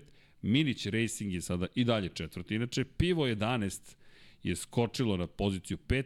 Strollov malac i Lenz na šestu poziciju. E, baš da im da li ima Lenz Strolla. Strohla malac. Da, ima Verstappen, Alonso, Stroll, Perez, Joe, Red Bull Racing i Aston Martinu. Malo da vidim kopiju moje ekipe, ali dobro. Tarik 13. je otišao na poziciju 7. Mio Dio izgubio. Je li ovo Mio? Mio. ne, A ako je Mio Kotor, pozdrav za Ne. gospodina Mio Draga Kotora. Mio. Mio, priznaj da si u fantaziju. To nije fair, ti imaš previše iskustva da bi igrao naš fantazi. Karlovački mališani su deveti i Markito Tork F1 na poziciji broj 10. Dobro. I ima tu sad još nekih zanimljivih imena, ali eto, od 3041 ekipe, ja sam 613 ponosno, ponosno kažem 613. E, da, još jedna bitna stvar, ali to ćemo u najavi, da, da, da, za jul, da, da napomenem, sad imamo sledeće nedelje pauzu, ali onda kreće mesec Pa da, trkanja, četiri- četiri četiri trke u, u mesecu julu. do početka avgusta smo na točkovima konstantno. Da, baš nema, nema prekida. Nijednog Da, momenta. ima, ima samo jedne nedelje pauze. Da, ali- Neki recimo 17. juli, dakle to je trk, dan kada se neće, to je taj vikend, 16. 17. 16. 17. se ne vozi. 16. Tako 16. nešto. 16. jula se ne vozi. Taj vikend svakako. Da, to, to, to, tog smo, ajde, usnočeno slobodni. Mada, ne, ne, Pa dobro, slobodni smo u principu jer nema, nemaš, ni ti nemaš MotoGP tada. ne, ne tad, Oni su tada na spavanju. tad su mi čilanci ovde, tako da. A, tad Čilanci, je pa da. žurka. Pa dobro, ali nema, nema trkanja. To. Ne, ovde će se, ovde ćemo se trkati. Ima da, je, Ok, da, da ok. šta Veli, velika nagrada Infini- Infinity Lighthouse. To ti kažem, velika nagrada Infinity Lighthouse na stazi studiju na kraju univerzuma i šta ćemo učiniti, nemam pojma, ali će se voditi. I Koki da dođe, molim te Miksa, mora da bude domaćin, ce- da, da hostuje veliku nagradu. E, inače, apropo Kokija, Koki je hiperaktivan. Ja mislim da obiše svaki pedal studiju u ovom trenutku. Pa dobro. No, da se mi vratimo nazad u Kanadu. U, u, generalno, mnogo toga se događalo. Kada reč o McLarenu, ajde, bili smo i na McLarenu, odlične kvalifikacije. I Oscar Piastri i Lando Norris prošli među vodeće. Kada pogledamo, ajmo ponovo strategiju da bacimo pogled kako Alo, to... trka, trka loša. Da, ali, ali opet Norrisova kazna i Piastri koji u celoj ovoj priči kao što možete vidjeti imao dve promene, prešao na korišćene srednje, e, korišćene tvrde gume, oprostite. Inače, kada je reč o Norisu, Noris isto imao taktiku i nekako taj, ono što smo videli su skrabovali gume. Znaš kako, mislim da su, da su propustili priliku ovaj, u McLarenu opet strategije. Da, da su mogli sa jednim vozačem da probaju šta, šta gubiš? Da probaš strategiju s jednim stajanjem. Mislim da je tu propuštena šansa za, za poen McLaren. Ali tu se vraćamo na onaj moment s Ferrari. Ferrari koji je rekao radi suprotno od Norisa. Ferrari, tako je Ferrari, pa imamo Alex Albon, znači imamo mm. momke koji su, koji su iskoristili taj izlazak sigurnostog vozila da ostanu na stazi. Jer su počeli, počeli trku na srednje tvrdim gumama i odlično su ih, odlično su ovaj, da, dva različita pristupa. Odradili, da. Album koji je odmah promenio i ostao do kraja. I ostao do kraja, da. I Ferrari, Ferrari koji, koji je ostao, ostao tako, duže bravo, tako i onda promenio. Evo, recimo, tu je recimo mogao McLaren da razdvoji taktike, recimo, svojim vozačima, da pokuša, da pokuša da, da, da nekog na taj način uvede u poene. Oni su se držali ove iste, iste strategije. I čudi me da, da nije bilo. Mada smo u, u principu znali smo da, da, da to možda će uraditi Mercedes i Ferrari. Jer, jer pre početka, znalo se još u subotu da imaju po, po jedan set tvrdih guma. I to je ono što ih je ovako, negde smo uh, bazirali upravo na, na toj činjenici mogućnost da gledamo različite strategije u, u tim bitkama za, za, za podijum i za visoke pozicije. I onda se pitam, kada govorimo o Ferrari, zaključimo ono Ferrari, šta bi bilo da je, da je Leclerc ili Sainz da su imali bolji učinak u, u, u kvalifikacijama?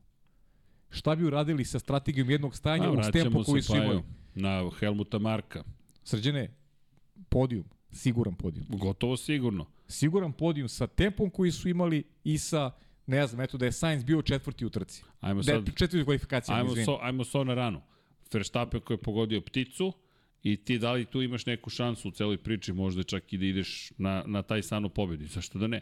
Konačno Charles Leclerc nosio kacigu Žila Vilneva, Zamela je to i mala kontroverza, pošto nije obavestio porodicu, a zaštićen je kao robna marka, taj zaštitni znak žig je zaštićen, zapravo ne, neka robna kako sam žig, bukvalno ne smeš da koristiš tu kacigu, gde je porodica imala problem, to je konkretno Jacques Villeneuve, sin Žila Villeneuve, legendarnog uzača Formule, koji je tragično izgubio život 1982. u Ferrariju i 1978. jedini kao kanadjanin pobedio na tlu Kanade i to baš na ovoj stazi koja je dobila posle naziv po njemu Žil Villeneuve.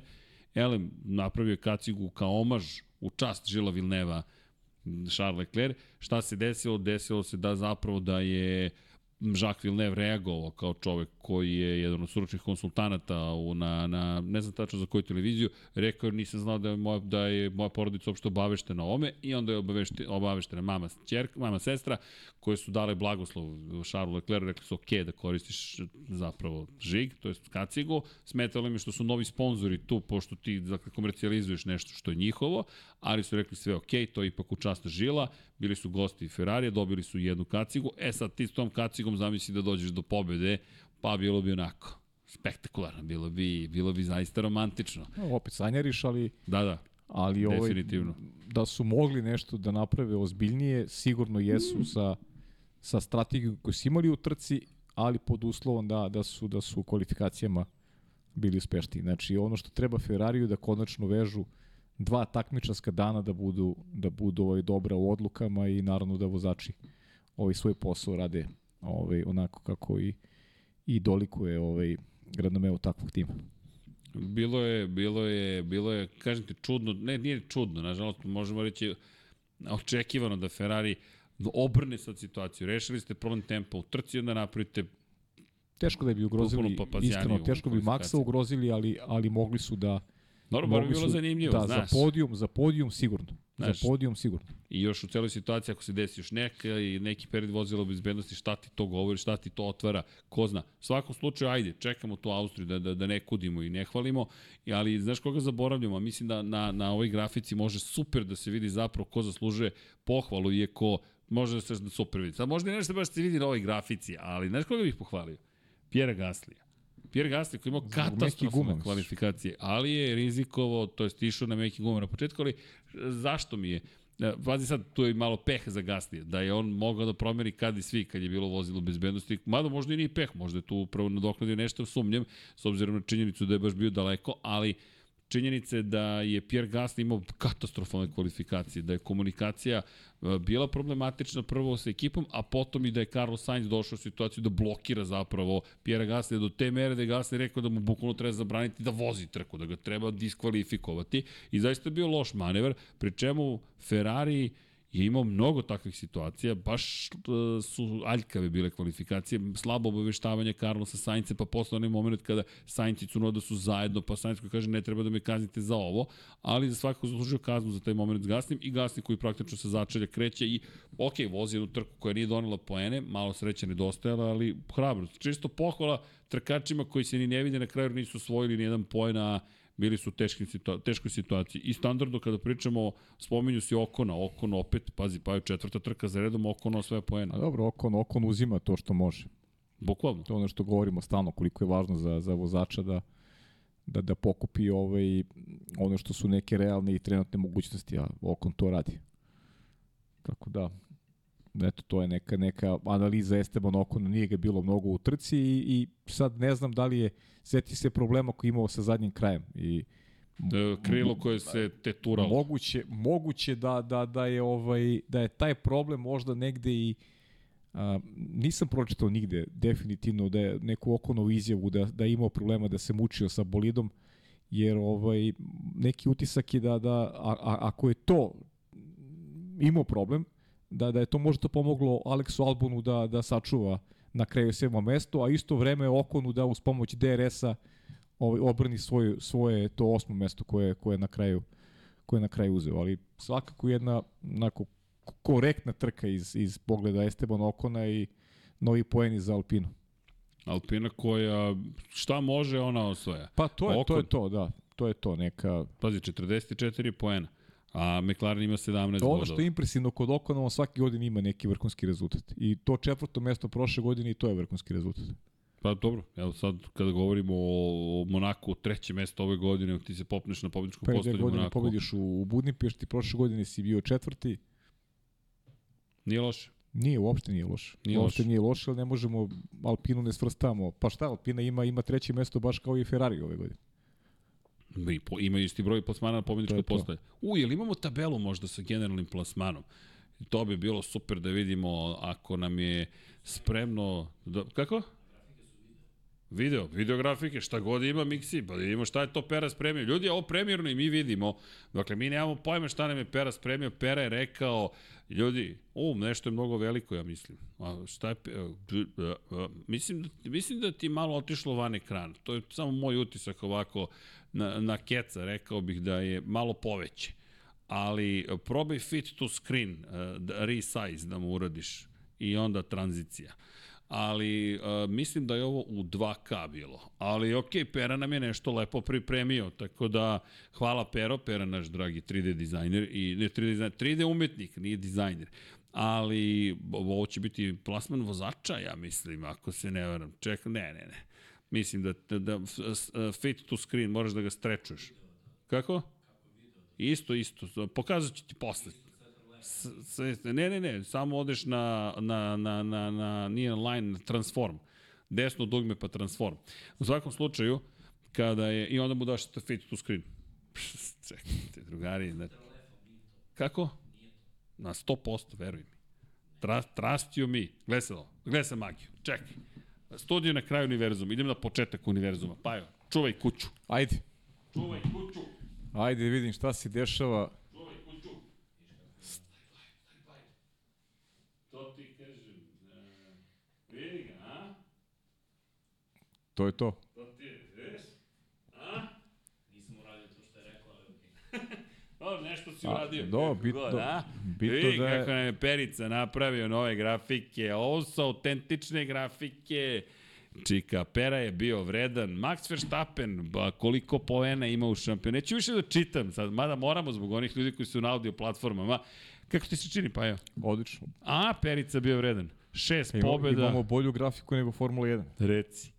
I vidiš i odakle i koji motor ima ekipa Bravo, Pero, majstore. I broj pobjeda. Evo i gospodin je ustao da vidi kako to je. Gledaj kako izgleda, za nije lepo. S tim što će morati malo medalje tamo da ubacimo, da bude jasnije. Dakle, šest pobjeda, dva puta je bio drugi, Treći nije bio ni jednom, pet puta pol pozicije, tri puta najbrži krug. Apropo tvog komentara, plasmani na pobjednička postolja. Ne znam da li imamo ovo za šampionat konstruktora, Pera nas je samo obradovao. Bravo, Pero! Oj, oj, ostali gde Pera se? magija. Pera magija. Molim vas, like za Perine grafike. Ajmo, jedan lajkić. Šta ste rekli? Ja? S tim što mislim da treba da skinemo onaj desno logotip. To nam je onaj zakucani, ali to ćemo posle da sređujemo. Igramo se i dalje. Ljudi, te kažem vam, ko zna šta se kuva u kuhinji? Predpremijerno, ovo ćemo nazvati predpremijerno, smo prikazali. Pero, imam ideje šta ćemo još da unapredimo, ali ovo izgleda dobro. Ili imamo generalni plasman konstruktora? Pa evo. F1 TV, klasičan. Kako je, To mi ti priča. tome ti pričam. Samo te su dve. Dobro, konstruktore ćemo drugi put da radimo. Ali dobro, igramo se. Možda Pera nije ni planirao da ovo vidimo. Pero, oteo sam ti Pero, Pero, piši. folder. Pero, piši ako nije trebalo da prikazujemo kasno momče, kasno što bi rekao moj brat Igor. Ali eto, ako vam se dopada, dajte komentare. Ista, ista grafika kao F1 Challenge 9902 igrica. Stvarno, Pera to sigurno nije igrao, verujte. Opet sam lajkao ili u redu El Mesija. Tako je, ko nije lajkovo, čekaj. 566 ljudi, 202 lajka. Pa, pa dajte, ljudi, jel treba da... Pa ako vas pera nije inspirisan Nemoj da lajk, lenji, ko ljudi. će? Tako je, a to nam znači zbog algoritma i svega ostalog. Elem, Uh, ok, ovde neke lepše od grafike F1, to ti kaže Mugello Arabijata.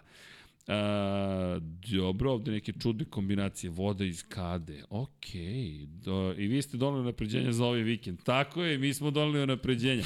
Imamo mi... I, Ovo je komentar pobedio. to je komentar koji je povedio, to je to, Dejane, hvala. A to vam kažem, to je to pera, naš Adrian Newey, tamo negde samo sedi, ima olovčicu, dođe, čak se više ni ne pojavlja, pera i igru. Slušajte vi košarkaši, zabranit ću svima koji su u Infinity da idu na basket. Dakle, opet je uvrnuo s glob. Treći put ove godine. Neozbiljno, neozbiljno. Neozbiljno krajnje. Kad moraš da naučiš da s godinama Da je, je, po, da je posao prioritet. da je posao prioritet. Tako, Tako je, a ne rekreacija. Adem kaže, loše je napisao Logan Sargent. Dobro, prenećemo, hvala. Kažem, vjerojatno ovo nije ni trebalo da se prikaže, ali... Ne, nego Logan Sargent treba da ispadne iz te tabele. Znači, zbog toga. o, to onda pravimo problem Peri. Šta onda? Imamo još jedno ime. A, morat će Schumacher da ubaci. Tako je. Uh, da, inače, što nije Hamilton bio pod istru kada završ Stroll u Da, kvalifikacijama? to mnogi Mislim da pišu i hteo sam, kaznu. čekam te da, ovaj, Ajmo, da ajmo. završiš to, pa, pa da, ovaj, da tu temu ovaj, obradimo. Hm. Hoćemo? Pa ne znam šta, čekaš mene da ja... Čekam. Ja iskreno ti kažem, mislim da, da nije bilo za kaznu. Zadržavanje Strola. Ne, mislim, To. na, mislim na, na Hamilton Alonso.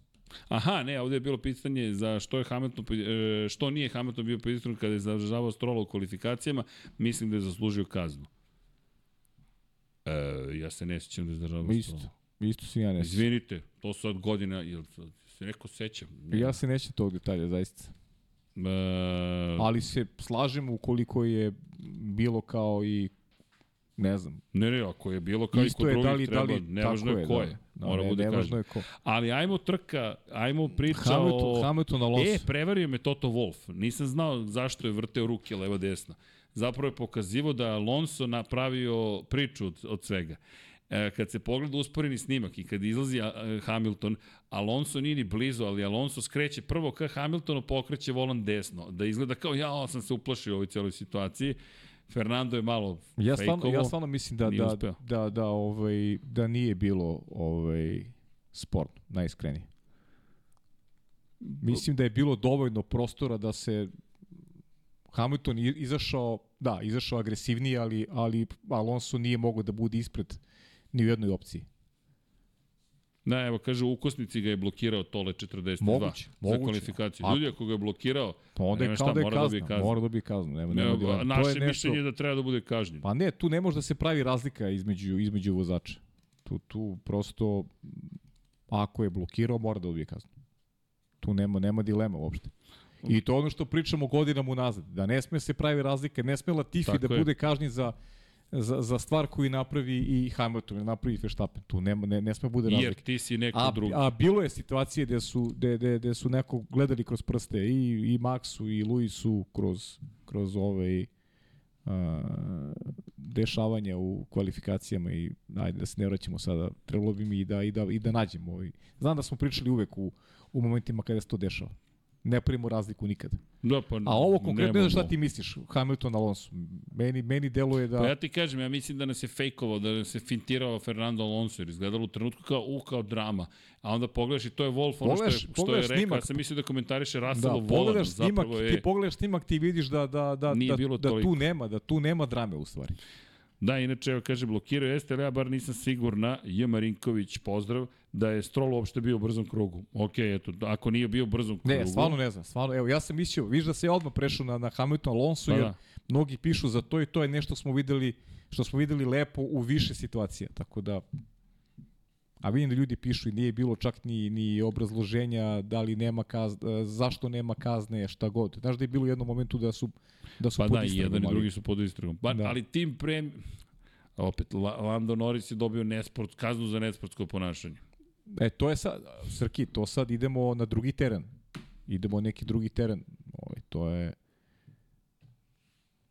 Ta kazna je smešna, ali kažem ti, pravilnik. Ovaj, Po potrebi. Ček, komarci su nam se ponovo pojavili. Leto je stiglo u grad. Čim vidite da mi mašemo po rukama ovako po pa studiju. ne znam da li su i komarci baš, a?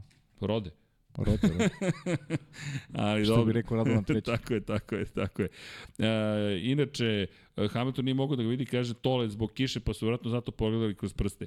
Ali to vam je opet, uh, ok, ne A to treba nije, da kazne to nije Hamilton. važno, to nije važno da li ga on vidi ili ne vidi. to Ali- je greška i E, ekipe. tako je, to hoću ti kažem, onda Tak- ekipa mora da bude Pa, kažnjena. A, a kako ekipa se kažnja? Pa tako što vozač dobije kaznu u suštini. ili Ili, ili dobiješ finansijski ili ekipa. finansijski dobiješ kaznu Ali ja stvarno na osnovu snimka, ovaj, baš, baš sam se trudio da pogledam, sam znao da će to biti pitanje.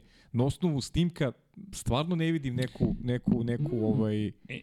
ne, neku, neku dramu. Prosto je, Pazi, evo ga, izvini, dobar Trka. komentar, ali to moramo mi, Matej Solić, kaže, pozdrav iz Austrije, momci, pozdrav. Šta mislite da u ubacivanju kratkih video isečaka pre nego krenete komentirati određeni događaj sa kvalifikacije ili sa trke kako bi mnoštvo znalo o čemu se tačno radi? Nemamo prava za to. Još. Tako da nemamo mogućnost da to ubacimo, inače bismo rado ubacili. Ali znate šta moramo da uradimo novinarski? Da zapravo onda opišemo zapravo situaciju o kojoj u tom momentu pričamo. Nekako često i mi podrazumevamo da... da ste vi gledali. Tako je, Da, tako to, da- je, a to je pogrešno To je novinarski. pogrešno. Da, jeste, tako da novinarski, evo, Matej, na- da znate, sledeći put ćemo... Odličan komentar, Odličan, odličan komentar, poruka, hvala. Jer i mi zaboravimo, znate šta, mi ovo živimo i onda nekako, a, a ne gledamo ovo kao klasičnu priču televizijsku, pa sad, nego, Da, nego da. mi smo ovde došli da se družimo s vama, da pričamo, da se družimo jedan sa drugim zapravo Pa prvo. i da čujemo, da Jer čujemo čujemo i, vaše i vaše tako mišljenje je. koje ono razli nisi naš, možda će sad neko da kaže zbog čega je trebao ovaj da dobije kaznu Lewis Hamilton i možda ja nisam u pravu. Zaista. Da, ljudi, To samo to da te, sve okej. savršeni sigurno nismo, to vam potpisujemo Ma odmah, da, tako ma da, da. znate. A. Ali kažem, Matej, nastavite da s dobrim radom. Hvala najviše. Hvala puno. Evo, Almir Vuki, Almir izbacuje tvoje, tvoje sa cvikirima, tvoje emotikone. Znaš da imaš svoje emotikone? Da, znam. Da, da, cvike. I to su one čuvene letovanje. Ono da, na godine. kad sam bio, kad sam bio u Belgiji. Tako je, tako je. Ali hvala. E, da, inače Mario Krog kaže, ali nije pisalo ni na jednoj obavesti da je incident između Alonso i Hamiltona solved, ili je možda do mene, možda ja nisam vidio. Pozdrav najčiste, hvala. Hvala puno. A- moguće, da, moguće da ni mi nismo videli. Da, to, to, to, to, Postoji neko mi rekao, kako možete da ne vidite? Da, Ljudi, evo ovako, imamo jedan ekran gde je ono isto što vidite i vi, i onda Potpuno. gledamo ekran gde komi su rezultati, drugi ekran na kojem gledamo društvene mreže timova da vidimo Timova, da li se da. nešto izbacilo ili nije. Ja gledam te rezultate, Srki gleda te timove i, I onda, onda- kad bacaš pogled na sve strane, desi se da nekad nešto ne vidiš i to je to. Tako je.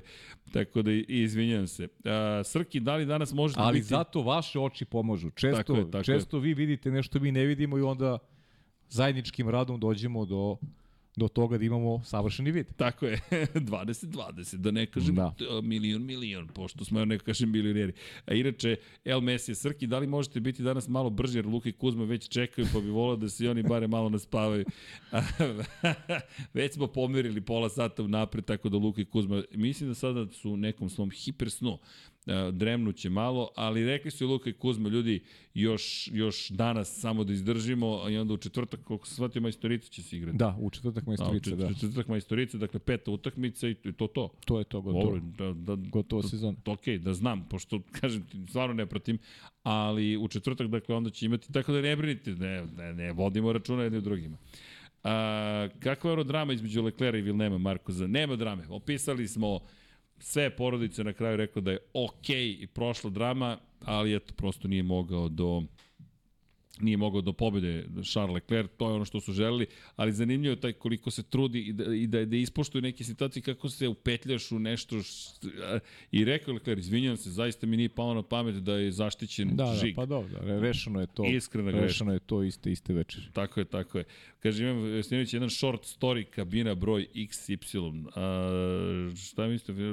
Da, okej, okay, ja sam se već bacio nekako na pitanje, sam pobegao, ali sam propustio nekoga da spomenem, pa jo, u celoj trci. Mislim, pa, da, znaš, večeras baš pričamo ma, o svemu i manje, manje svačemu. više, ajde da probam Znaš se... koga? Evo, Koga? a na timskom nivou, da nismo pričali da je Nick De Vries za, u Alfa Tauriju napravio grešku na ulazku u treću krivinu, Miksa nas je vratio na Alfa, Okej, pa vidi iskustvo. Prati- prati priču. Hvala, vidi, čovjek sam sam bio, sam, o, vidi ga fade in. Ali Cunoda, De Vries, ok, De Vries posle tog momenta sa Magnusenom je izgubio u potpunosti bilo kakvu šansu da nešto više postigne i Yuki Cunoda, Pa, najlepše što se desilo, Juki mm, je došao u situaciju zapravo da, da ima nežnu komunikaciju na kraju sa, sa svojim zapravo social media menadžerom. Eto, to je najviše što se desilo zapravo u, u, u celoj priči. Za one koji ne znaju, pa je možda će ti ovo zvučati čudno, vidim da me već gledaš šokirano šta pričam, ali Josh Kruse je čovek koji napušta zapravo ekipu Alfa Tauri. Pazite sad ovo, content manager, samo da znate, ko zna gde vas možda čeka posao u Formuli 1. Čovjek koji se bavi sadržajem je prešao iz Alfa Taurija u Ferrari. Kad te pozove Ferrari i kaže ćeš da budeš social media manager, content manager kod nas, u svakom slučaju Nešto mi Tsunoda- se, mnogo se ta konekcija Ferrari Alfa Tauri u posljednje vreme se, ovaj, čudno se to Meki stvari vamo, razvijaju. Da, Kruse vamo, da, baš je, baš je interesantno. Bazi nekad su koristili Toro Rosso, Ne znam, Ferrarijeve ne znam šta agregate. to, ne znam šta to, ovaj, šta to sluti, znaš. Hoćemo da spekulišemo malo. Pa ja mislim da mislim da Ajmo je zrelo. ovako. Mislim da je bilo zrelo i, i Mekis kada je obelodanjen od ide da da tu postoji neka ovaj neka priča o kojoj možda se povede malo ozbiljniji razgovor. Pa ajmo ovako. Ako znamo, a znamo da Zauber neće biti više pod Ferrarijevim okriljem od 2026. To znači da Ferrari sa šest korisnika motora dolazi na četiri, to jest Haas. Haas sledeće godine dobija Alfa Romeo, 20 miliona dolara vredan ugovor. Pričali smo da Alfa Romeo Haas. je lepa stvar za Haas. Da, ne znam da smo spomenuli prošle nedelje u podcastu, mislim da još ne, nije bilo obelodanjeno. po, to smo to smo u, Tako je. u direktnom prenosu. ne Tako da imamo Alfa Romeo zapravo će postati, Haas će postati Alfa Romeo, ali Ferrari će imati dva korisnika manje od 2026. Pa, ako ti šalješ Lorana Mekisa da preuzme Alfa Tauri, to, to je tvoj sportski direktor, trkački direktor, dakle jedna od najvažnijih osoba Zar, koju imaš. zar ne bi bilo logično da, da, da to uradi Red Bull ukoliko će da, da se nastavi saradnje 2026. godine? Bilo bi logično da dovede svoju osobu. da dovede neku svoju osobu i da nastave sa tim nekim projektom koji su, koji su imali. Tako da ima, mislim da tu nisam pročitao iskreno, Da, ali ovo sad prosto razmišljamo glasno jer jer su evo krenule su onako učestalo da se da se ovako ajde da kažemo razmenjuju kadrove ovaj na relaciji Alfa Tauri, a nekako i Alfa Tauri je i neko prirodno stanište da bude uz s obzirom da su to, to su Italija. Faenza, M- Italija je baza, Italija je baza i ovaj i još jedna stvar, Aston Martin, Honda započinju saradnju. Da, možda je čak, i- možda je čak i, i prirodnija ta saradnja ovaj, koju će Ferrari potencijalno imati sa Alfa Taurijom nego, nego što je nego što je neka druga, nego što je Pa, recimo sa Haasom. Pazi, ako gubiš već treću ekipu, a ne znam da li žele da imaju tri korisni, da imaju tri ekipe koje koriste motore, ali Ovo ako su samo želiš... spekulacije, Da, ljudi, da, ništa, po- ništa više. Nemamo informacije, ali ajmo logično. Logistički tebi je bliži, bliža ti je Faenca, ti si ekipu Hasa uslovčeno naterao da dovede dobar deo svoje ekipe u Maranello, kako bi bila bliže Jeste. tebi, da biste unapredili razvoj. Zašto ti sada ne bi Alfa Tauri iskoristio da postane neki novi tim koji tebi suštinski, možda će to biti na kraju Alfa Romeo. Pritom, koliko puta smo čuli priču još prošle godine da, a i vidi se u praksi da neko Red Bull ovaj, nema više potrebu neku za, za da neka saradnja sa Alfa Tarijom je svedena, čini mi se, na, na, na, na neku, neku suvu egzistenciju na minimum, aj tako da se izrazim. Bukvalno. Pazi, od... Ti više nemaš ti vozače koji dolaze iz Ne. nešto iz akademije da oni nešto potenciraju. Ranije, ranije je, smo znali, bukvalno svake godine oni, oni po jednog vozača iz akademije lansiraju u Formulu 1. Da, da, da, Tražeći neku idealnu postavu, tražeći način da se oni, da se oni kroz, kroz uh, tu sestrinsku ekipu uh, nametnu na, na jedan adekvatan način. Tako da, mislim, mislim da jenjava ovaj, ta saradnja, ali to samo izgleda ovako kao, kao neki deluje u stvari kao neki pogled sa strane. Da. Ajmo ovako, Alfa Nije Tauri... utemeljen nekim realnim činjenicama. Čemu definitivno. ti služi Toro Rosso na početku? Ti si kupio Red Bull, to jest ti si kupio Jaguar, pretvorio ga u Red Bull, zatim si došao i rekao, ok, ajmo Minardi da pretvorimo u Toro Rosso, pretvorio si ga u Toro Rosso, Njui, izvini, Njui je prvi bolid koji je dizajnirao za Red Bull je posle postao Toro Rosso, ako se dobro sećam. 2007. godine je bio prvi bolid koji je radio Njui. Njui je u jesen 2006. otišao, dakle 2007. i onda je taj bolid e, postao bolid u, u ja, znaš šta, moram da proverim, ali ako je taj bolid zapravo bio Njujev koji je Toro Rosso koristio 2008 onda ima još jednu pobedu više zapravo Adrian Njuj, pošto je njegov bolid Sebastianu Fetelu da, da. doneo prvu Da. pobedu. O, kakav uh, grumen zlata smo možda iskopali. Svaki put iskopamo nešto, ali se Njuj mi Pa to lako. Da, da, to, to, to nije čak teško da se proveri, možda i To, odmah. to ćemo proverit ćemo, proverit ćemo. Ajmo da vidimo. Dakle, imamo sledeću situaciju, a to je, to je Toro Rosso STR3, da vidim. Dizajner Adrian Newey. Pa da. Pa jo, put it here, to ti je to. Dakle, dizajner Geoff Willis je bio tehnički direktor, Rob Marshall, Rob Marshall, koji je otišao sada u McLaren, čisto gde to, i Peter Prodromo, Prodromou. Dakle, mi govorimo o ljudima koji su tada još zapravo radili, a Prodromou je čovek koji je zapravo zamenio Jamesa Kia. Tako da, čovek koji je sada u McLarenu. Vidi ga McLaren što je pokupao od pola osnovnog Red Pa Bulla. dobro. Zapravo. Dakle, još jednu pobedu dodajte Adrian Newey. Zaboravio sam da je u Toro Rosso zabeležio pobedu. Eto. A ti sada taj tim polako napuštaš, jer vidi, šta je uradio još Alfa Tauri, to je Toro Rosso? Ko je prvi sarađivao sa Hondom? Ko je bio zapravo Pa pokusni ne kunić samo, u sećaš priči? se, tri godine za redom su imali, koristili su drugačije I, agregate. I oni su išli Ferrari, Ferrari, Renault, tako je, Honda. Honda. Honda. Čak možda su se vratili na Ferrari pre nego što su otišli na Ma Honda. ne, oni su oni su dali pravi, oni su dali pravi ovaj da kažem neke smernice i putokaz Red Bullu kada je u pitanju ta saradnja sa Hondom. Tu je tu je To, to je, bio, to, to je bila uradio. potvrda, to ti je kao proof of concept, ali, ovo ali, može da ali, znaš, mislim, u, sad u novoj eri, i, ne, prosto Red Bullu, Red Bull nema potrebe za... Pa za, nema. Znaš, on nema objektivne potrebe za... za Za Alfa- Alfa Tauri. Tauri. Da, Realno. I oni, ja mislim da su, pa i ovo sad što vidimo od rezultata, pogledaj, najdominantniji tim i najlošiji tim. Tako Alfa je. Tauri je sušta suprotnost Red Bulla. Da. Nikad Ti si nekad, nekad si mogao da, da a, a kad je Red Bull dobar, automatski je dobar i Alfa Tauri. Znaš, jako je bilo bitno za Alfa Tauri da u ono vreme kada Red Bull nije bio dominantan, ali si dobio jasne smernice na osnovu rezultata Red Bullovih vozača šta može Alfa Tau- Tauri na određenoj stazi. Sada, veze s mozgom nema. Potpuno ono, to su, to su sušte suprotnosti. Ne možemo da se zakačimo ni na šta kada je, kada je Alfa Tauri pitanju. Pa, pa vidiš u ostalom te rezultate, nema poena, nema, nema, Pa, pa je, slušaj ničeg. 107 poena prvi Alfa Tauri 2020. Uključujući pobedu u Monci Pjera Gaslija. Da. Ok, godina COVID-a, katastrofa i tako dalje. Sedmi u šampionatu, ali 107 poena. 2021. godine 142 poena. Šesti u šampionatu. Prošle godine 35 poena, deveti u prvenstvu. Ove godine 2 poena Yukija Tsunoda Pa- iz ta dva Pa deseta mesta. koliko se Gasly mučio i koji, koji je to, to je baš je bio onako raspa sistema. Teško je bilo gledati tu ekipu. Pa evo. Ovo, ove godine, ovo, ovo je havarija. Mislim da si namirisao nešto. Pa Iskreno. ne, ne, nije, nisam... Ne, ne, ne mogu da tvrdim, ali mi djeluje da si ga spojio lepo. Znaš, ali vidimo po tome... bilo je tu pitanja Mekis još kad je prešao, znaš, šta, šta Ferrari radi sa, sa tim potezom, znaš.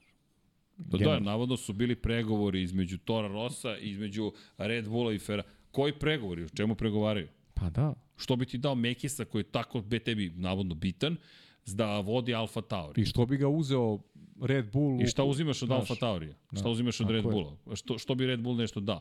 U, pazi, zanimljivo. Pri čemu, nažalost, uz smrt Titriha Matešića, u Red Bullu manje su raspoloženi da investiraju beskonačne količine zlata u programe Formule 1.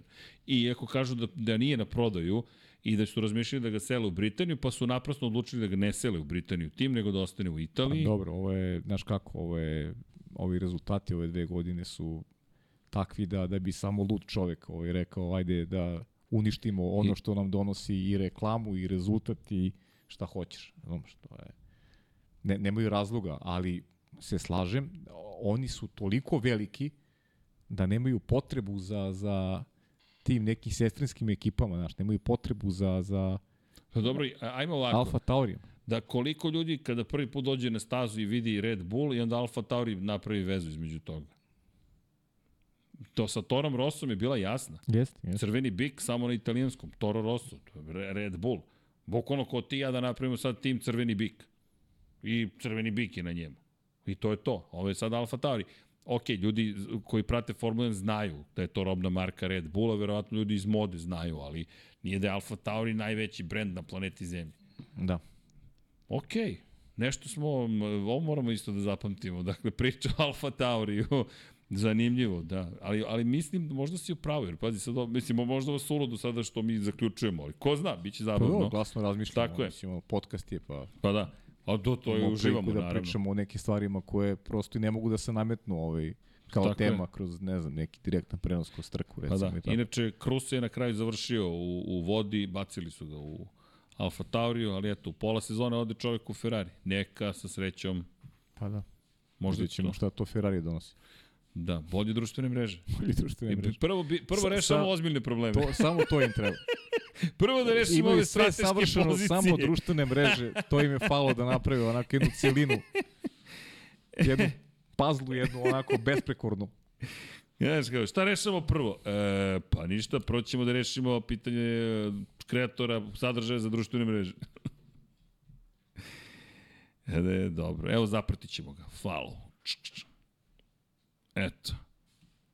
Eto. Eto, zapratili smo ga, pa ćemo da pratimo šta će biti njegov novi potpis i na LinkedInu i naravno na Instagramu. To, to je, to je, znaš, dođeš do stadima ono, stokovanja ljudi, otprilike, znaš, šta radite, pa ništa, evo, pratimo neke ljude. Mislim, ja ga pratim na Twitteru davno, ali na Instagramu moram priznati da nisam. Ali dobro, dobro, to je sve u redu. Dakle, spomenuli smo i Alfa Tauri. Nismo ih izostavili u celoj priči, čak se na kraju Pa da možda da. ima priča Pa dobro, i veća nego što ajde, smo mislili. Da, možda, možda ima. Možda je ovo samo splet, splet okolnosti slučajno. Više, više Mekis nego, nego Meki svakako, pazi, to je ozbiljna ličnost koja Trebali smo možda i odnos- ranije da se bavimo tim. Da, ali ovaj, nekako nam je pobeglo. pro, promaklo je, da.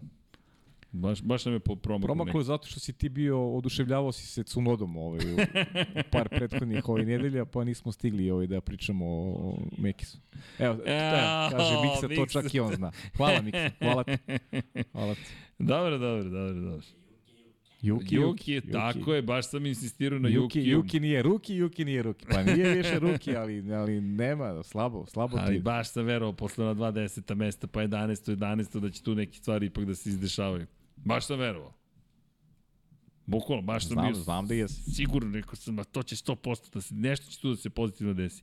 E da, da ne zaboravimo još jednu bitnu stvar, a to je da To ne su... smo, zab- ne smo To zaboraviti. ne smemo da zaboravimo. Da, pozdrav, imate pozdrav Dekija Potkonjaka, sutra Deki, smo dobri naš 21, pozdrav. tako je. 21.00 smo na MotoGP-u, kako drama na MotoGP, na O. MotoGP-u. E, To, to, to je bila, to guma na je gumu. bila trka. Uhu. Baš je bilo, ko, ljudi, ako niste gledali trku za veliku nagradu Nemačke u Moto Grand Prix, U sve tri kategorije možete, ali Moto Grand Prix morate da pogledate. Dakle, razumem da ako ste samo ljubitelji Formule 1, ali verujte, znate kad postoji neka trka u nekom takmičenju koju vam neko kaže morate ovo da pogledate, ljudi, verujte, ovo Evo, morate ja da kažem, pogledate. morate pogledati, definitivno. Baš je bilo, baš je bilo onako ozbiljno uzbudljivo. I cijel dan, je, kažete, bio mi je lep dan. Mnogo trkanja, Ja, da, kvalitetno tebi trkanja. taj, taj polet te ovaj držao. Tako je, a baš mi je bilo, još Paja dolazi, kaže, Srki, ti treba odmor. Kakav odmor, daj još jednu trku da radim. Daj pet trka. A krenuli smo sa, sa kupom talenata Severa ujutru u 8.30, pa onda malo jutarnje zagranje. E, znaš šta smo uradili? Moram da, da, da, da, da nas pohvalim, pošto ti znaš da ti ja stalno jurimo taj moment da uđemo ranije, da uđemo ranije, da uđemo kadrovima ranije. Nikad ga nema. I i nadam se da me neće otpustiti zbog ovoga. Pa dobro, bilo, Ali- i, i, i bilo je momenta kada jesmo. Ovo sad nismo ranije. Sad nismo, da, da, ali, ali i završava se jutarnji trening MotoGP-a i ide ide kadar sa događanjima sa staze, gde ulaze u kamion pa će ići oko staze i tako dalje. I gledamo se da ne imenujem čoveka, realizator i ja i kao da izlazim, imam emisiju. Što se mene tiče, ne. Ne, pa neka, neka se emisija koja će sebi to otiš tri puta tokom dana. Izvinjam se ako neko platio. Ja rekao sam, ne, neka. Ja častim, pa ako me, ako me se sete, sete, rekao, gasi to, ovo je ekskluziva, daj sa staze šta ima i, i tako da smo dobili malo ekskluzivnih kadrova i onda smo i to komentarisali, onda naravno trka 1, trka 2, trka 3, trka 4 i to je to. Dobro da nismo radili NASCAR. Eto sad, ako neko bude... E, ovo ti kažem, NASCAR nije bio. Nije nemam plan. Jedan od redkih ovih vikenda kada NASCAR-a nije bilo, eto. Odmah ti kažem. Pa eto, Šta se desilo? pa eto i oni imaju dušu. Dobili su mali predah, Dobro. ali nastavlja se već sledećeg vikenda. Tako da, eto, zato nismo radili NASCAR. Je vrlo jednostavno. Vrlo jednostavno. Da, ali, ali ne znam kako sam završio na Moto Grand Prix, ono što sam hteo da kažem jeste Ne, ne, zapravo ne mogu setiti šta se te kažeš. Mario Izola, Mario Izola. Mario je. Izola, aj, dobro. Da, dakle, e, čovek koji vodi Pirelli je e, i rekao da je iznenađen što timovi nisu želeli da se uvede tokom sezone korišćenje guma za, za provanje vremenske uslove zelene boje kojima nisu potrebni grejači guma. I tu je bilo i dosta žalbi zapravo, žalio se George Russell na, na ponašanje na bolida kada je reč o gumama koje ne koriste zapravo grejače. Međutim, poruka Pirelli je da slobodno vozači mogu da promene svoj vozački stil ukoliko Da, da, im to da. ne odgovara. Da, Dosta to- onako zanimljiva Pa ja, razmena. odmah ti kažem da mi se dopada reakcija Pirelija. Vozi. To je ono što smo pričali, Pričali ka, kad, je, kad je ono bila crvena zastava, je to, je to bilo u Barceloni ili, ili je bilo nedelju dana pre? Ja, Barcelona, crvena. Kad, kad smo rekli zbog ono, prelagodite brzinu, nemojte crvene zastave. Da, ne mogu Koja da je to situacija? bio. Kad nismo videli šta je bilo na stazi, zbog čega je trajala crvena A zastava? ne, imali smo Australiju svakako. Ili Australija? Australija kad smo Da imali li tri se sećaš zastave. momenta? Pričali smo baš o tome. Da, da. U kvalifikacijama, čini mi se. Aha, ne, to je jedno drugo. U trci smo imali u Australiji. E, onda, ili u trci. E ne, kvalifikacije, pravo si u. Španiji. Kvalifikacije kada je. Bottas otišao u 12. krivini E, levo. kada, kada je bila priča, ne vidi se na stazi ništa, ne vidi se zbog čega je e, istaknuta crvena zastava. Ako je to deo staze gde je, ajde prilagodi se, prilagodi se uslovima na stazi. To, da, obično nije, nije zgoreg pravilo. Pa to je, to je, to je, ovaj, to je, to pravila. je najvažnije pravilo. Da, ej, javilo mi Silovača, kaže, slušaj, molim te, nemoj da zaboravite pitanja koje smo izdvojili za vas sa društvenih mreža, imaju tabelu sad, da, da, da nešto ne promašim. Važi, važi, važi, sve ćemo to Milovača da... vredna. Vredna, da, da, da, da, da. Na neke od ovih smo odgovorili, nismo odgovorili na, na ovo jedno pitanje za Mađarsku. Da li može malo pucati u podcastu za one koji idu prvi put? Takođe, ako znate kako ide oko karata koje su naručene i plaćene preko zvaničnog sajta, to je kada stižu otprilike, koliko pre same trke. Nemam sve odgovore, a ajmo ovako, Miloš Moravčić je u pitanju sa Instagrama, pita, pozdrav Miloše, da, da to obezbedimo. Ima još ljudi koji mi je pisalo, pitali ljudi, verujte, ne ignorišem vas, nego ne stižem sve da uradim, imamo baš puno stvari koje, znam da izgleda kao da se ništa ne dešava iza kulisa, Piši pa ja se Tilovači, piši Tilovači, to je jednostavno. ostade radi bak. Ostaje. ostade. Ilovača the executor, da. Ali dobro. A, dakle, bez brige nećemo zaboraviti pitanja, nego samo da se samo da sve stignemo. Dobro, ali ajmo ovo da zapamtimo za Mađarsku, da se raspitamo i da vam damo prave odgovore i da vam, da vam malo pomognemo oko priprema za trku. Ima još malo, ima još vremena, prvo ide za dve nedelje Austrija, pa nedelju dana posle toga ide Velika Britanija, pa dve nedelje posle Velike Britanije dolazi Velika nagrada Mađarske. I onda sedam dana kasnije Velika nagrada Belgije Tako je. jer smo ove godine malo promenili, sa, promenili stvari. A što se Rotiran tiče... kalendar. Jeste, jeste, rotiran kalendar. Malo, i čudno je to što će se završiti Čudno. Čudno što neće početi prvi sa, deo sezone velikom da. nagradom Belgije, da. Ali dobro, to tako, to tako nekako ide. E, pitanje, čekaj da se vratimo ovde. U stvari, ne, ne, ne, Pirelli, Pirelli. Da, e, Izola je rekao da je bilo neophodno da osam timova glasa za promenu tokom sezone, to jest da ove sezone da se uvedu gume koje nemaju, koje nemaju, nemaju potrebu da koriste grejače. Međutim, rekao je Izola, ne mogu da odgovorim zašto, međutim, više od dve ekipe je bilo protiv uvođenja tih guma u ovoj sezoni.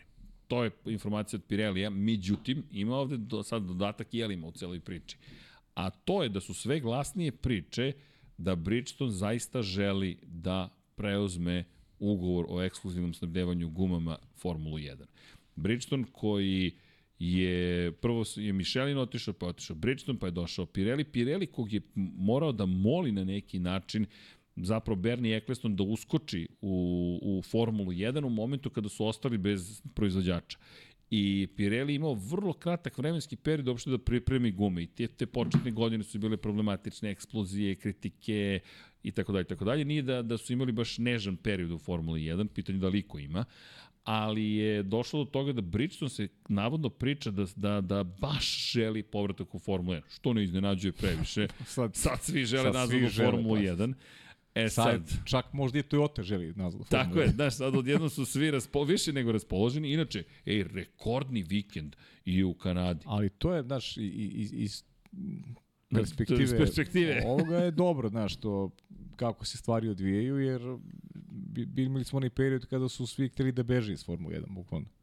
Kada timovi nisu imali budžet da prežive na godišnjem nivou, kada su smanjivali broj mehaničara, smanjivali broj ljudi oko ekipe, jer prosto pa timovi nisu propadali. mogli da ih plaćaju propadali, bukvalno je. Sada je situacija drugačija, pa ovaj, razumemo ovaj, ekipe što manje pričaju o nekim stvarima koje nas zanimaju, koji gledamo to sa strane, jer ovaj, treba, treba od toga i, i lepo im je da to rade, a mogu, mogu lepo i da žive, mislim, to je... Znaš, kad pogledaš sistem, u stvari, ajde da budemo realni, Srki, da budemo onako poslovni do kraja. A, svaki vlasnik je dobar koji ti omogućuje da zaradiš više i da i da to u sistemu ovaj Zar nije lepo možeš lepo pa da možeš lepo da oblikuješ sebe u naš u svakom pogledu i možeš i da zaradiš i da i da ti bude lepo na dnevnom nivou znaš. Tako da e, potpuno razumem te koji su koji su deo strukture da da ovaj oni uživaju u momentu u kome se nalaze e sad mi koji to gledamo sa strane mi želimo da na svaka godina bude kao 2021 da, da, da gledamo uh, zabavu na stazi intenzivno, da gledamo ovaj, zanimljivo trkanje, ali prosto to je nešto što nam ni istorija nije omogućila da, da gledamo svake godine baš. Ajmo ovako. Um, šta je zajedničko? Evo pitanje za publiku. Karnu Čanduku? Ne. Ajmo ovako. Šta je zajedničko? Bruno Seni i Danielu Ricardu. Mm. A? A nemoj da googlate. Bruno Sena i Daniel Ricardo. Ajde da vas vidim, evo dajem vam par minuta, pa ko se javi, šta je zajedničko za Daniela Ricarda i Bruna Senu. Eto, pa ćete dobiti jedan od, od odgovora na ovu celu priču.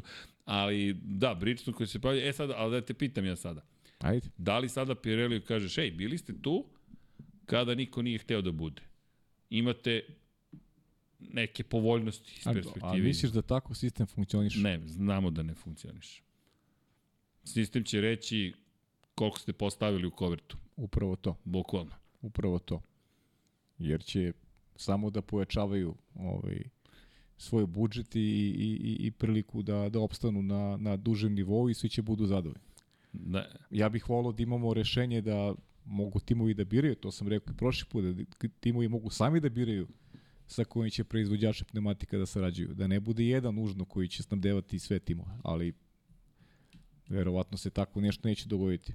E sad da me pita šta bih ja, pa mislim imali smo, imali smo sa Bridgestoneom mnogo lepih trka i, i sezona.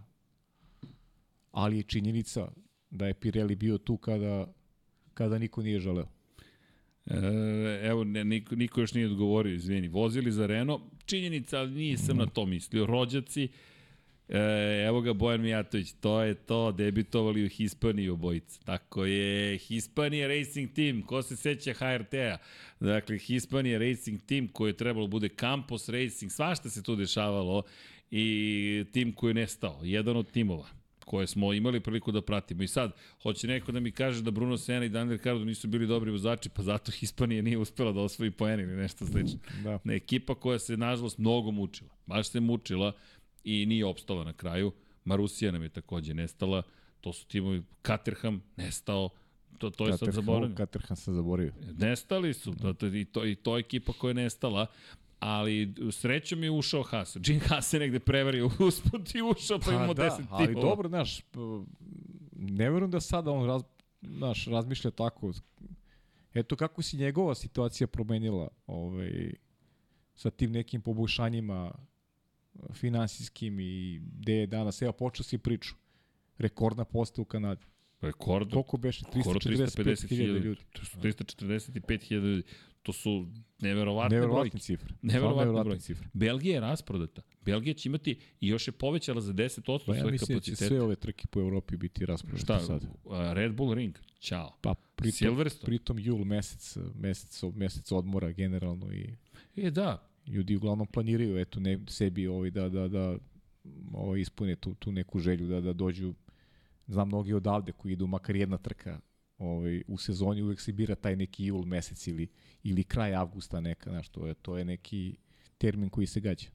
E, a pri čemu na sve to dodaj da su u Belgiji sprint, u Austriji sprint. Da, da, da. Ljudi, subota, biće dupke puno sve. I u Sigurno. Belgiji i, Sigurno. i u Austriji. Pogotovo su uz popularnost Maxa Verstappena, koji u Austriji vozi za domaći tim Red Bull Racing, koji tu pobednik, imaju svoju tribinu, naranđaste će biti sve. Pa znaš kako, možda Belgiji čak i ovaj Belgiji- termin i više odgovara, znaš. Pa, to zato su odvojili Zandvort od Belgije, to je Belgiju od Zandvorta, da, da ne bi imali na tako krat, maloj di, distanci geografskoj toliko, Jeste, to, toliko jeste. interesovanje zapravo da pokriju, da dođu ljudi na jednu i na Pa drugu ne, trku. nisam mislio čak ni nužno to, jer svako bi bilo posta maksimalna. Holandjani, Holandjani Su verna, Ma da, verni su navijači, baš su verni. Njima je sad to ovaj, preče od futbola im je Max Verstappen, definitivno. I, i stvarno nevjerovatno koliko su koliko ovaj mala zemlja ovaj površinski geografski a koliko su koliko su sportska nacija oni su baš sportska nacija ovaj. i i Max je došao do toga da je da je ovaj definitivno njihov najbolji projekat najbolji sportista i Da, pa pojedinačno gledano, to je to, Pa to je da, mega zvezda. znaš, budeš- budeš šampion Formule 1, tako da će biti posta svakako, ali je dobro ti kažem ti, znaš, ajde vidimo kako će to izgledati uh, Belgija, Belgija u, u julu mesecu. Ja mislim da će Kiše mislim neće da će, biti. da, mislim da će biti oboren, da će biti oboren rekord Na ovaj, 100%, takođe pa to pada, pa, pa to je već viđeno. To je 100%. E, 100% pada, pa pazi, e, već sada e, smo došli u situaciju da Bukvalno smo došli sada već u situaciju da kada pričamo o, o posećenosti se samo povećava, povećava broj e, montažnih tribina koje možemo da vidimo pokraj staze. U Barceloni smo isto imali i nove montažne tribine. Svi pokušavaju da ubace još jedan komad zapravo sedišta, još jedan deo. Zašto sedišta? Pa sko, prodajete ih skuplje nego general admission. I samim tim hoćete da prodate skuplje te ulaznice, tako da montažnih sada imate tribine koliko hoćete. I samo će Pa rasti kapaciteti, samim tim padaće rekord, jer svi traže kartu više. Dosta ljudi mi je pitalo, pisalo gde da kupim kartu za Formulu 1. Ne znam.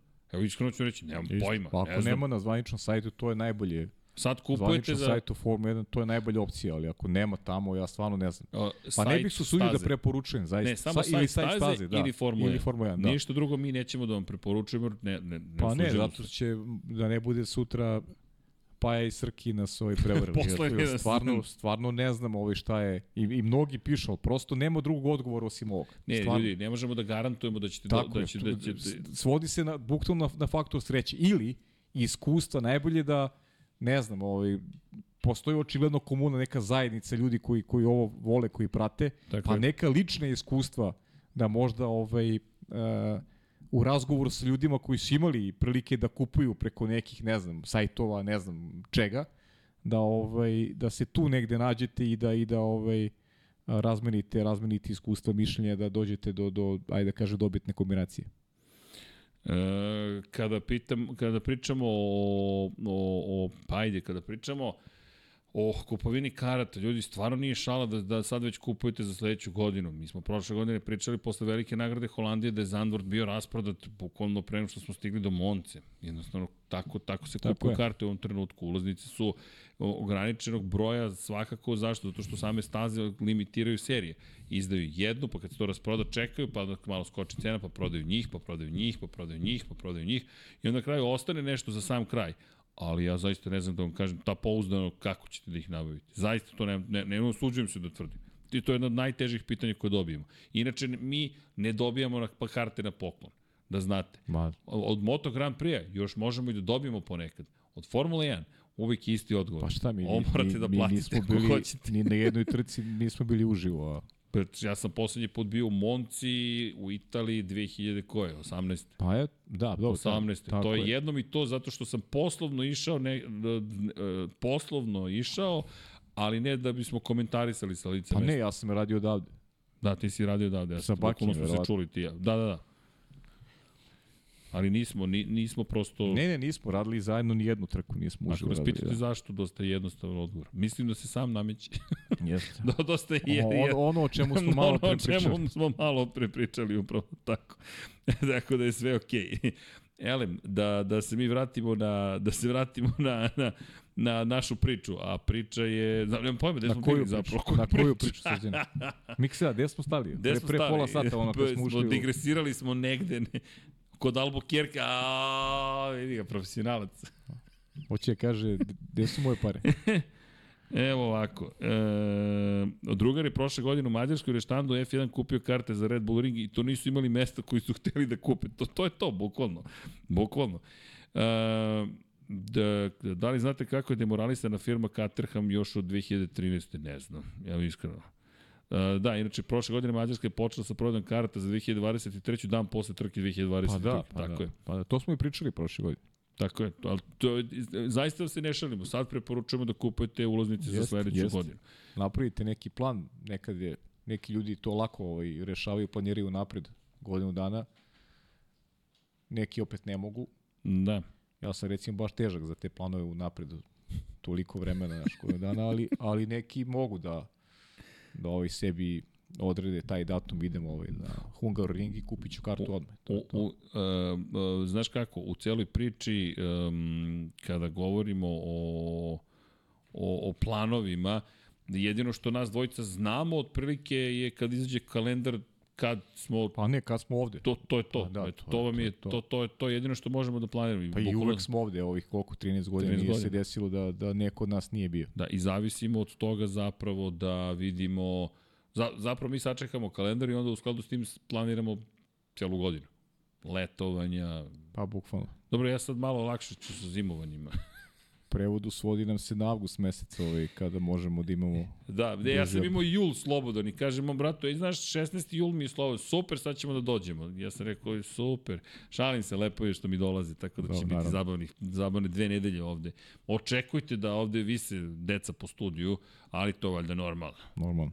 Ne, nek se snimaju. Stavit ćemo im private da emituju sami na svoj, ne kanal, nego privatno sebi da emituju na, na svoju roditeljsku adresu, da mama i tata mogu da ih gledaju. Miksa, šta kažeš na to? Top. Pero, pravi grafike. pravi potpise. Lukas, Nikolas, Sofija. Da. Malo ćemo da se igramo. Uh, pa jo, dobri smo. Ja gledam zbog Luke i Kuzme da ne uđemo u crveno negde, da, da, da, da ne... Pa jesu tu? Tu su. Pa Luka, Kuzma, do, pa dođite ljudi. Dobro, pa i stvarno da, ih, da momcima, ovaj, da Pa momcima, ljudi? Tu si, pa ti nisi ni Luka ni Stefki, Kuzma. Stefki. Luka i Kuzma pojavio se Stefi. pa dobro, oni su rekli, ali ajde, možemo da im, ovaj, Pa naravno. Pa ne, vidiš neka pitanja. imamo ima, mi... Ili ima pitanja. neka pitanja kod tebe? Ja Pa sam, prvo već, ti kažem i, i nema. ja sam većinu stvari pročitao. Da li može Andreti kupi ma, Marusiju, platiti njihov dug i prijaviti se kao Marusija? Uh, to, Muhamed, Muhamed Hajdari. Pa da, dobro, Mohamed ono. ima najmaštovitija A, da, da, pitanja, da, da. trikovi i akcije i tako dalje. Da, e, neko je pitao za nešto za Alfa Tauri i za, i za Ferrari malo pre. A, čekaj da, da vidimo da li sam nešto propustio. E, da li se sećate Zarko je vozio Caterham Suter? Jeste, vozio ga. Da, još ovo pitanje Muhamed. Da, da li će Da. da. Max oboriti rekord od Mihajla Šumikera da se završi sezonu, a da bude e, plasiran Kako, kako? da li će Max oboriti rekord od Mihajla Šumehera a, da završi sezonu, a da ne bude plasiran lošije od drugog mesta? Da će do kraja godine biti jedan ili dva bez uh, diskvalifikacije? Aha, aha, aha, aha. Misliš Do, da, dobro pitanje. Pa da završi sve trke do kraja kao prvi ili drugi. kao prvi ili drugi, pa da, pa vidi, pa e, sad dolazimo opet, to, je, to, sad se igramo već, bukvalno se igramo. Još jedan potencijalni eto rekord koji može Da, Schumacher, koja je Schumacherova najbolja godina? 2004. Pa tako recimo, ja beše. mislim da je 2004. F da. 2004, ali ne mogu se čekaj, moram da pogledam, ne mogu se setim baš svake trke na pamet. Gde je završio, čekaj. Da vidimo. 2004. Schumacher, e, da vidimo, pobjeda, pobjeda, pobjeda, pobjeda, pobjeda, pobjeda, pobjeda, odustajanje u Monaku, pobjeda, pobjeda, pobjeda, pobjeda, pobjeda, pobjeda, pobjeda, pobjeda, pobjeda, pobjeda, drugi, drugi, 12. u Kini, pobjeda, sedmo mesto u Brazilu. Pa eto. Znači, Max je već sada na putu koji je bolji nego što je taj. bolje. Da. Dakle, jer ne, nema nijedno odustajanje u prvih Tako osam Pa trka eto, i ima šest To što pobjeda. kaže Muhamed, treba mu da, da ne odustaje i da bude ovaj prvi i drugi stan. Da, Schumacher ima koliko? 12 pobjeda u prvih 13 trka. Da, onda je malo Onda posustao u finišu sezoni. finišu, da. jeste, Izgleda počeo da slavi malo ranije, To čini se. što je opet ljudski. Malo Kimi, malo Rubens pobeđivali, Da. malo Juan Pablo Montoya i to je to. I tu se, i tu se završila priča. Da li može da, pa ljudi, sve- je moguće sa ovim Red Bullom, ali što kaže, pa ajde, ja, ja sam ubeđen da naredne trke pff, ne, su njihove, ali znate šta, teško je to sad, nema, ne znam kako da garantujem tako nešto, samo, samo evo malo nagađamo. E, Red Helmets, jel se štampa u Kragujevcu? Pita za knjigu. Da, štampa se u Kragujevcu. Danas smo se čuli sa ekipom, tako da ako znate nekog Kragujevcu, saznaćete. Da, inače, Pozdrav Kragujevcu. ne samo to, i dinastija je na, da stigla na red, tako da sve to polako sad najzad stiže. Malo smo si to reorganizovali za, za naredne godine. E, 2002. godine 17 trka svaka na podijumu. Tak, 2002. sam zaboravio, vidiš, tu sam ja pogrešio. 2002. godina.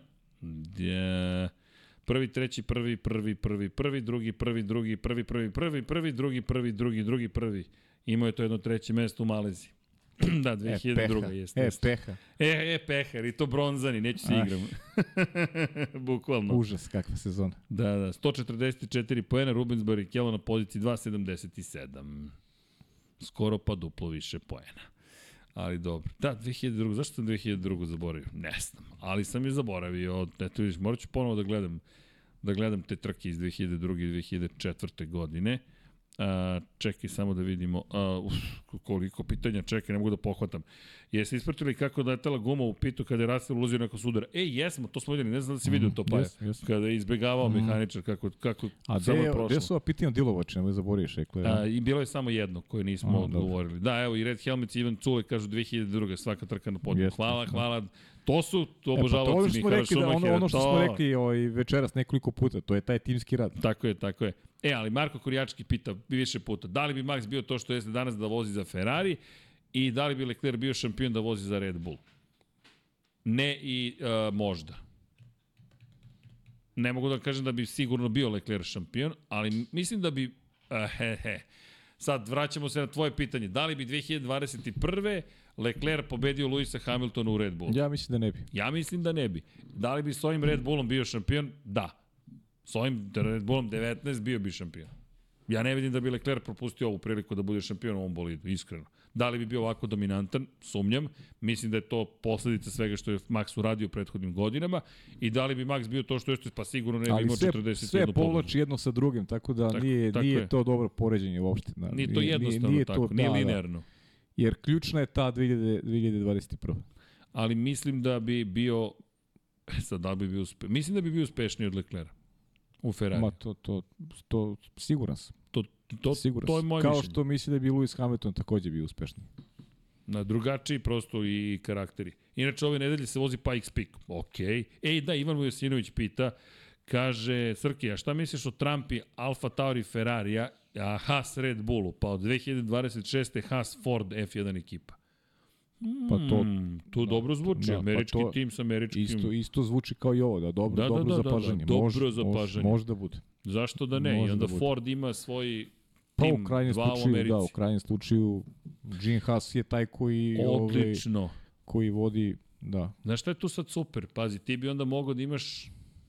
Mada, sve Pa- pa proizvodi na- Red Bull u Pa Britaniji. ne, ali, ali imaš, znaš koju konekciju imaš, Srki? Da. Vrlo važno. A, koje motore koristi Stuart Haas Racing u NASCAR-u? Ford. Ford. Ford. Ford. Ford. Ford. Upravo to. To, to. Prvo to. To, to, to, to, to, to, to. U, odlično. O, ovo treba zapamtiti, ovu, ovu kombinaciju. Da, da. Jeste? O, dobro. Dobro zapažanje. Da, da. Inače, ka, o, mnogo pitanja na temu Leclerc u Aston Martinu umesto Strola. Pa, mogo bi samo da slavi Aston Martin da dovede Leclerca. Zaista. Ali ono što je Paja rekao prošle nedelje, Jedino, jedino, Kada jedino mama ode? Stroll neće da slavi. Pa to, ali, ali pa ja stvarno mislim da će oni doći do situacije u kojoj će Lorenz morati da povuče težak potez.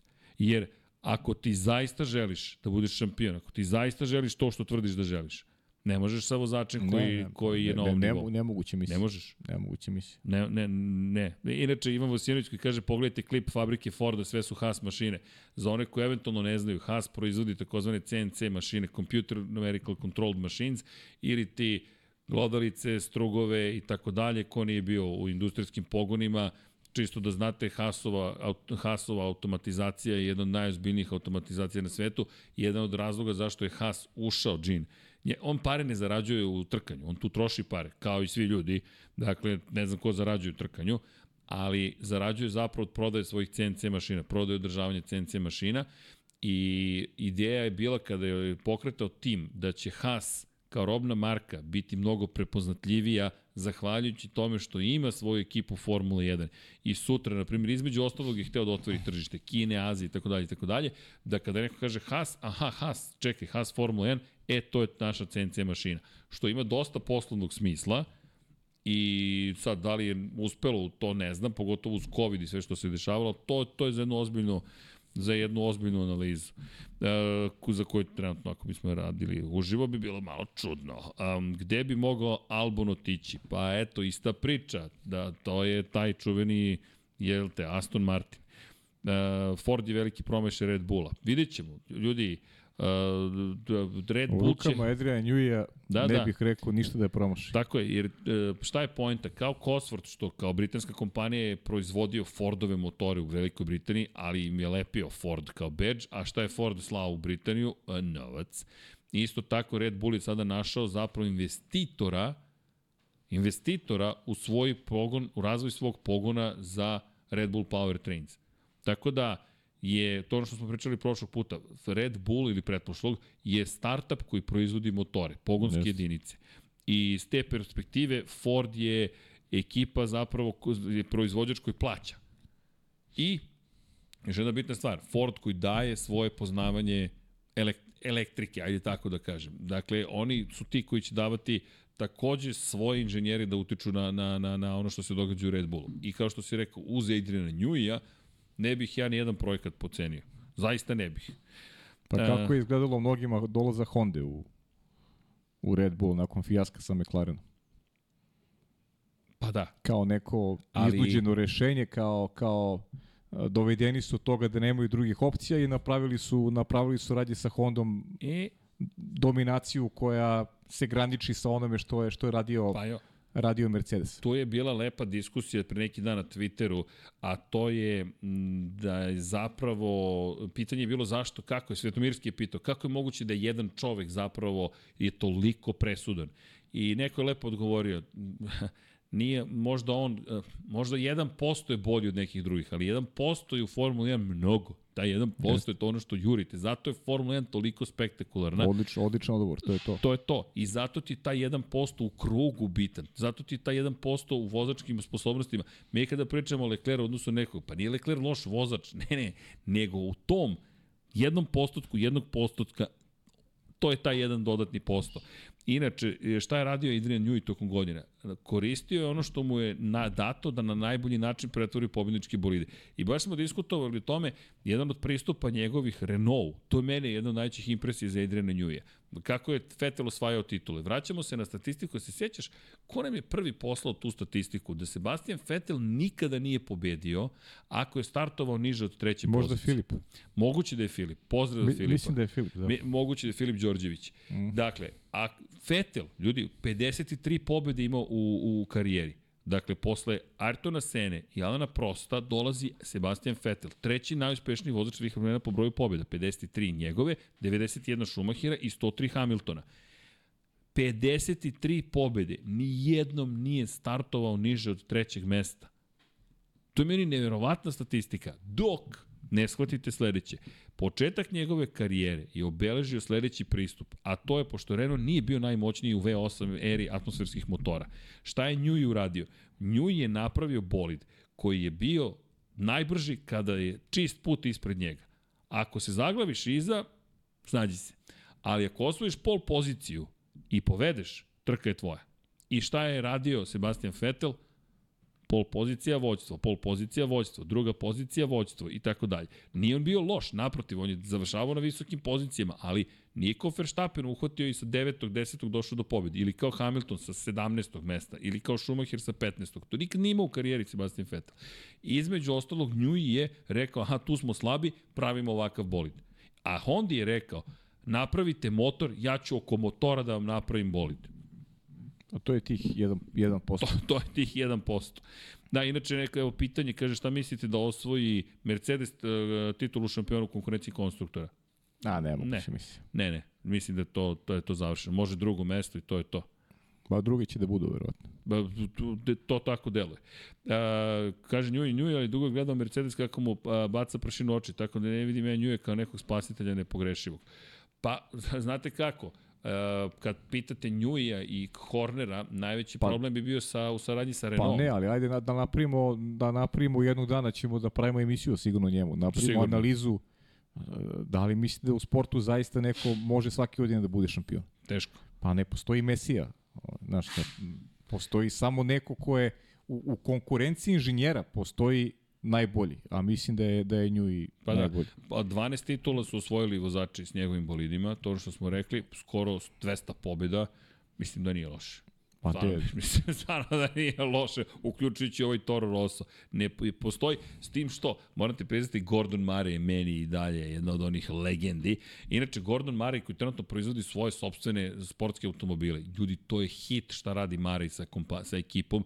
On e, sad je napravio, e, kako mu se, koja mu je beše oznaka, TR30 ili T30, najnoviji automobil koji su napravili I čovjek je bukvalno pričao o tome da želi da napravi novi F1 McLaren, ali to je taj uzor i vidiš nešto što liči na to i razmišljaš, ovaj čovjek samo voli da se brzo trka, ali je čak i Gordon Murray rekao, mislim da je poslednji koji radimo sa atmosferskim motorom i prelazimo na, to jest ne hibridnim, klasičnim benzincem prelazimo na hibrid, ali ok, to je neka druga priča.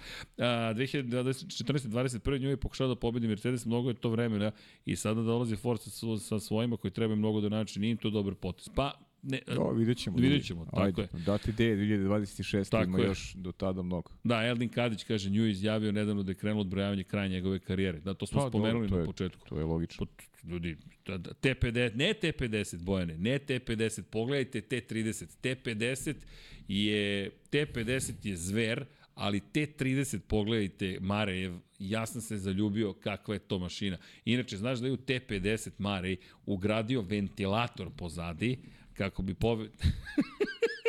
Razumeš? Znači, bukvalno to je ta reakcija. Gledam Čest- te... da, izvini. Često smo to i radili ovim, e, često se pominje to i analizama i emisijama koje radimo, tako Da, da, da, da. da.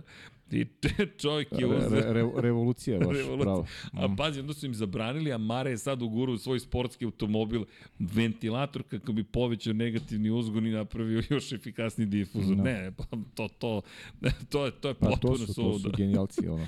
da, da, ali samo hoće da se što... I on je rekao, nije mi cilj da bude najbrža stvar koju sam ikada napravio, nego vozačko iskustvo da bude najbolje. Da kad sedneš unutra kažeš, ja vozim automobil Gordon Murray koji je napravio, to je cijela fabrika i potpuno sam oduševljen. Ono, ma, gledaš čoveka koji izašao iz Formule 1 i koji kaže drugačije je sada Formula nego u moje vreme i tako dalje i tako dalje i onda gledaš šta stvari kažeš wow, ljudi su stvarno, samo, samo im je cilj bio da zaista stvori nešto posebno. Tako da, topla preporuka, pogledajte, potražite kako god. Uh, tako je, Srki Gordon je bog otac ground efekta, sjetim se onog ventilatora, što je napravio, eto i Muki Alex odmah spominje da, da. ventilator. Ne, ljudi, on je ubacio sada ventilator u svoj sportski automobil, potpuna legenda. Uh, jel se trkao na nekoj stazi uzbrdo i postoji rekord sa T30? E, moguće da je, sad mi Pikes Peak čak pada na pamet, pošto će biti ove nedelje. Uh, kaže, srđane podcast o tim ljudima koji su napravili današnju F1. Ču, čujte, to može da bude, evo, T33 je najnoviji. Znam da je neki T30 nešto, nemojte zameriti, ali sam se mnogo smejao šta, šta ljudi rade. Inače, mapiranje motora im je bila najnovija stvar kojom su se zabavljali. I verujte, da dakle, Njui je sada dobio svoju igračku, zato to spominju. Sad zamisli, pa je neko Njui dao fabriku motora. Znaš, šta, da očekuješ? Pa ja, ja vam očekujem hiperautomobil Fordov, Red Bullov na 24 časa Lemana. I, i da, moguće. i šta nismo spomenuli? Čekaj, čekaj, za malo da nam pobegne i time da zatvorimo večerašnje druženje. Sebastian Vettel na Nordschleifeu sa Danielom Ricardom. Dakle, odoše na Nordschleife, Maxu kojem je to zabranjeno, moram sam, ne znam da smo to spomenuli više u podcastu, prošle nedelje smo pričali. Nismo pričali, pričali, ne, pričali ne, smo u direktnom smo, prenosu. Da, u prenosu, ali ljudi, za one koji ne znaju, dakle, kada govorimo o RB7 bolidu, bio je prošle godine ovde u Beogradu, pre ponosni smo na to što smo bili deo Red Bull show rana, ambasadori, zvanični, promoteri i tako dalje. Ja vas molim još jednom, izvinjavam se što nismo iskoristili vaše video snimke i fotografije.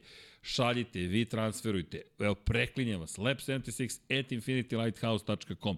Pošaljite nam ponovo, verujte, isplatit će se u septembru, spremamo baš nešto posebno. Septembar će inače biti mesec kada će sesti četvorostruki šampion sveta zajedno sa kim? Sa Danielom Ricardom. Ricardo ide u RB8, šampionski iz 2012.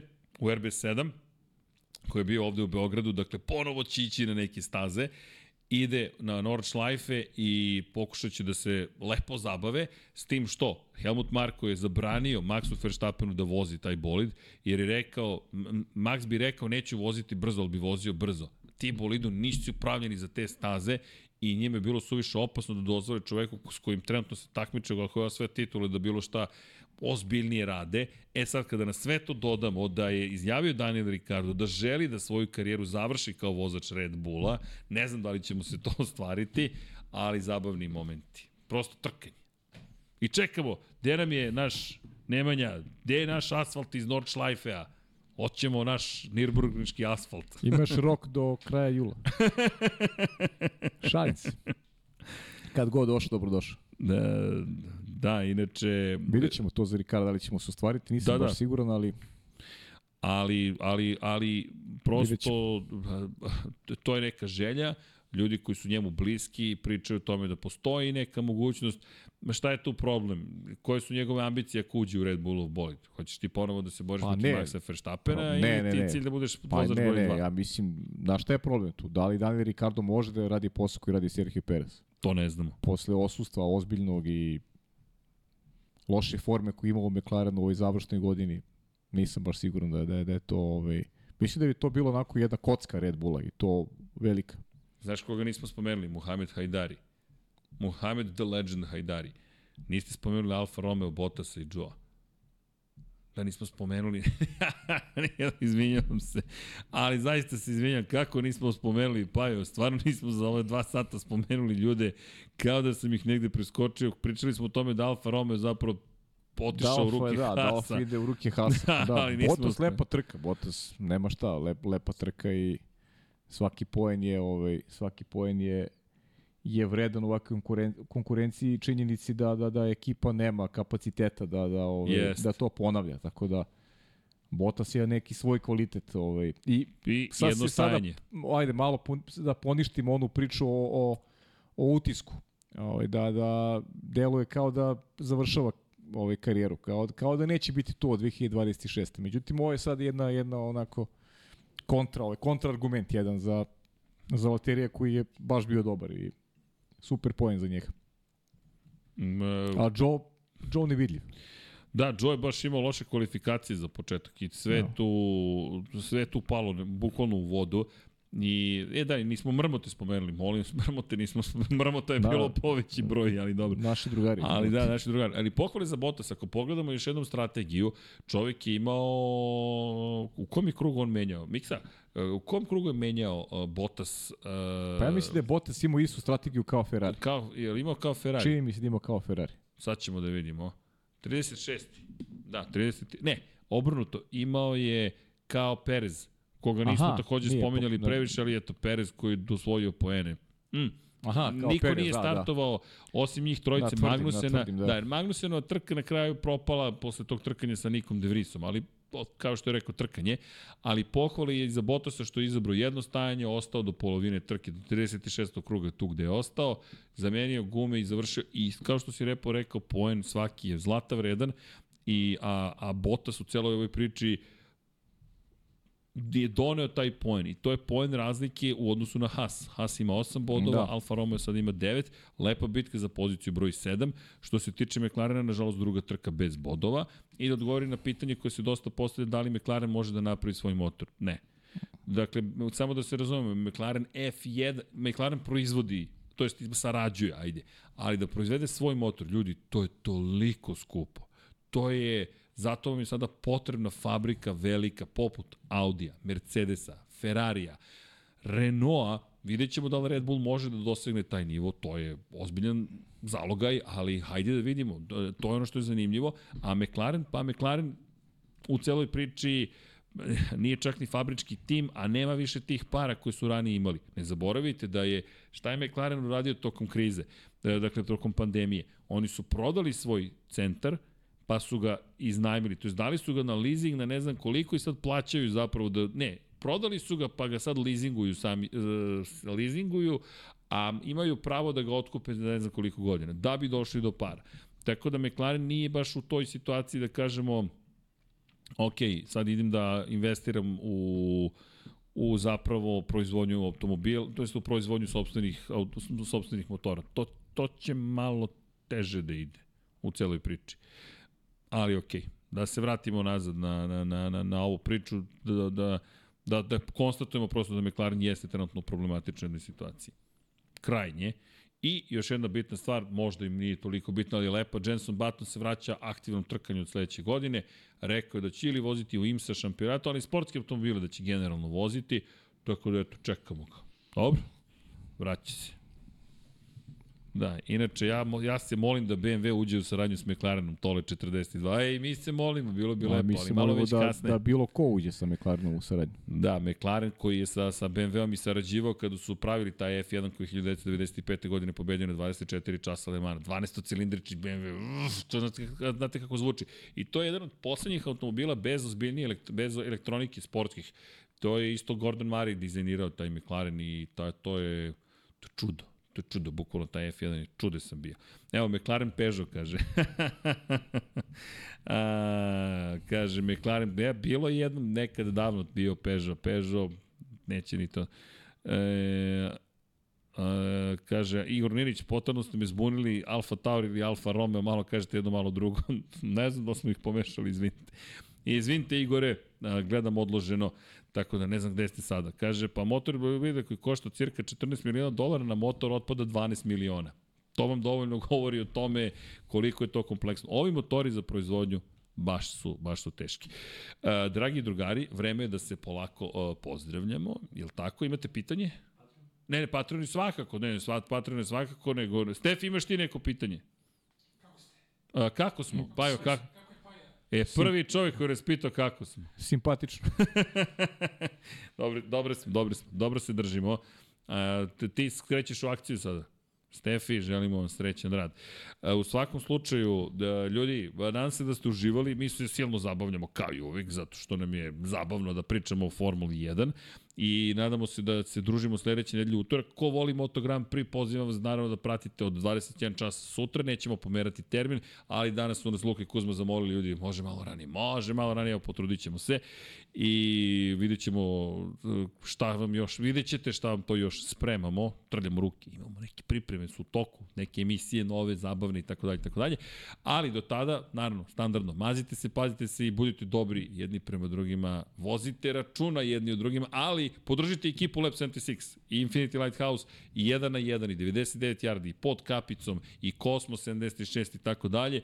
Kliknite like, subscribe, join, može, to će biti super ukoliko nam se pridružite, patreon.com kroz Infinity Lighthouse. Inače, pozdrav za Inzulin 13.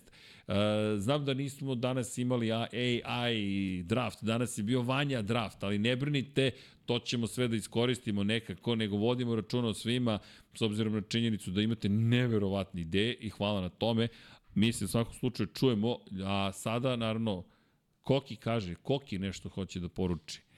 E, Geto sam zaboravio. Pa, ma, ljudi, šta se snima ovde? I Geto se snima, i Luka i Kuzma, i Jao Milen se snima, i nemam pojma šta još sam, da li sam nešto propustio. Ali, da, da. Kako? Neizdrž, da, da, da, Neizdrž se takođe snima. Imamo i klinci iz uh, Safua, Safu, je tako? Studentska asocijacija, je tako? Da, Sefa, ne, Sefas, ne Safu, više ne znam šta pričam. Se, Sefa i koga smo, još smo nekom ustupili bili studio, ne mogu da se setim. Ljudi, u svakom slučaju, uh, uživajte u Ajmo životu. na Patreon. Ajde, ajde na Pa Patreon. ja me odjavljuje. Ajde na Patreon. e, čekaj, čekaj, čekaj. Hvala vam, Patreon i naši dragi, bez vas ne bi bilo ni... Na... Evo, obneob, znam da sam nešto... Obneob, da. Obneob, oni žive ovde, oni ovde ne snimaju, dakle, od tu su negde i sakriveni u scenografiji, ali da, veliki pozdrav ljudi svima i kaže Zlatko Tatkan vozio je Bato novu godinu Naskaru sad do 24 časa Lemana. Pa Zlatko jeste gledali naše specijale od 24 časa Lemana. Ne da smo komentarisali, nego smo oduševljeni garažom 54, ali kad budu vozili za garažu 76, neka se jave i Baton, i Rockefeller, i naravno Jimmy Johnson, pa da vidimo Pa i onda... Kimi Raikkonen. Pa i Kimi Raikkonen.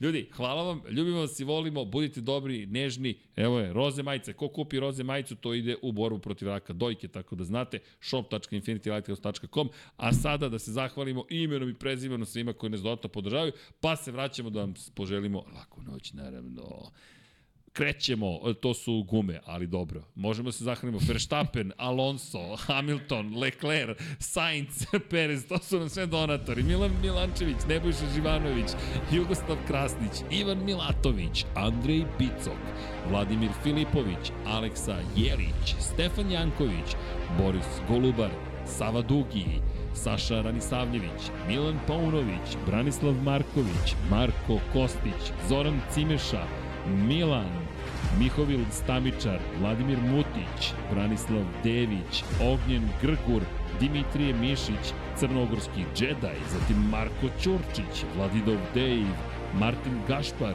Stefan Nedeljković, Đorđe Andrić, Nenad Ivić, Luka Martinović, Đole Bronkos, Dejan Avić, Sean Hink, Borislav Vuković, Miloš Broćeta, Aleksandar Mitrović, Dragan Matić, Šmela, Nemanja Labović, Dušan Ristić, Miloš Panduka, Fili, Aleksandar Bobić, Nedo Lepanović, Aleksandar Banovac, Mihajlo Krgović, Aleksandar Milosavljević, Jerman, Predrag Pižurica, Petar Velić, Vučinić Miroslav, Đorđe Đukić, Miroslav Cvetić, Ivan Rečić, Đora Čisje, Mladen Mladenović, Strahinja Vladović, Nemanja Miloradović, Anja Radulović, Srđan Simić, Ivan Simonović, Dejan Đokić, Žorž, Jeca and Stefan, Miloš Radosavljević, LFC, Ristić, Monika Erceg, Stefan Durić, Igor Jankovski, Matija Rajić, Stefan Stanković, Neđo Mališić, Đorđe Milanović, Zorana Vidić, Ognjen Ugrijanović, Vladan Miladinović, Igor Gašparović, Marko Zelac, Ivica, Marko Bogavac, Branimir Kovačev, Aca Vizla, Veselin Vukićević, Ivan, Predrag Simić, Mario Jelena Komšić, Denis Špoljarić, Borislav Jovanović, Luka, Andrija Todorović, Nikola Marinković, Zoltan Mezeji, Ivan Toškov, Žarko Milić, Ante Primorac, Dorijan Kabla, Boris Gvozden, Vukašin Vučenović, dočitavatelj Ramana Miroza, optimistik Josh Allen, fan, Mladen Tešić, ne, ili mlađi, Nemanja e, Nikola Grujičić, Vladimir Petković, Toni Ruščić, Aleksandar, Lazar Pejović, Armin Durgut, Branislav Milošević, Aleksandar Čuković, Boris Kulđić, Marko Horn, Alen Vuletić, Nenad Simić, Milan Apro, Armin, Zoran Dejan Vujović, Antonio Nazar Hristo,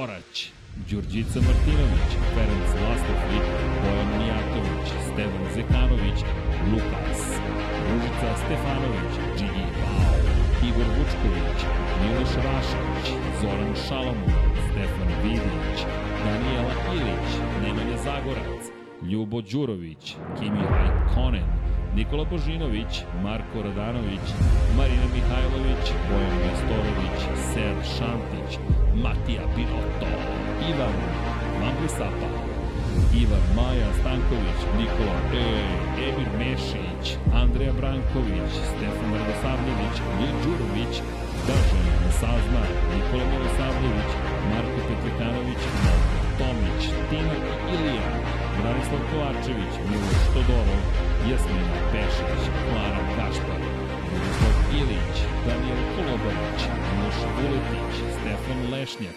Inzulin 13, Vladan Krstić, Nemanja Jeremić, Marko Trajković, Ivan Parajotović, Boško Božunović, Ognjen Rinković, Marko Marković, Vojan Kostić, Dragan Nikolovski, Mlađan Antić, Bakar Domana, Marko Kozić, Dušan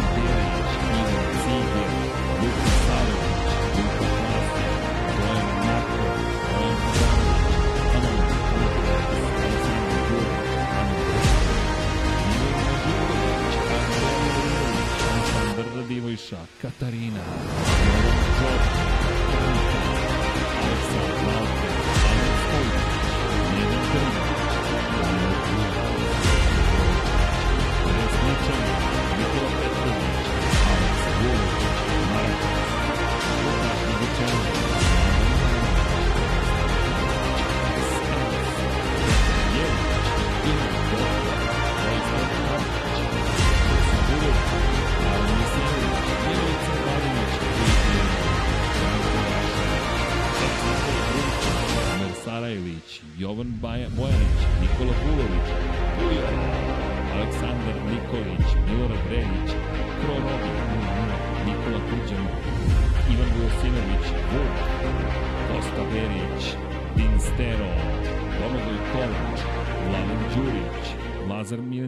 Milentijević, Aleksandar Kockar, Uroš Ćosić, Oliver Nikolić, Miloš Zet, C, Ivan Božanić, Mađar 007, Bojan Gitarić, Vladimir Vujičić, Miljana Milutinović, Miloš Stanimirović, Baka Dugo, Uroš Čuturilo, Anonimus Donatorov, Ivan Vincetić, Bruno Jurić, Ivan Plackov, Plackov, Tomislav 86, Đera 7, Marko Bogavac, Nikola Adamović, Vladimir Subotić, Bojan Stanković, Sejdan Vujčić, Zlatko Marić, Tatjana Lemajić, Milan Komarović, Ivan Hornjak, Almedin Ahmetović, Ivan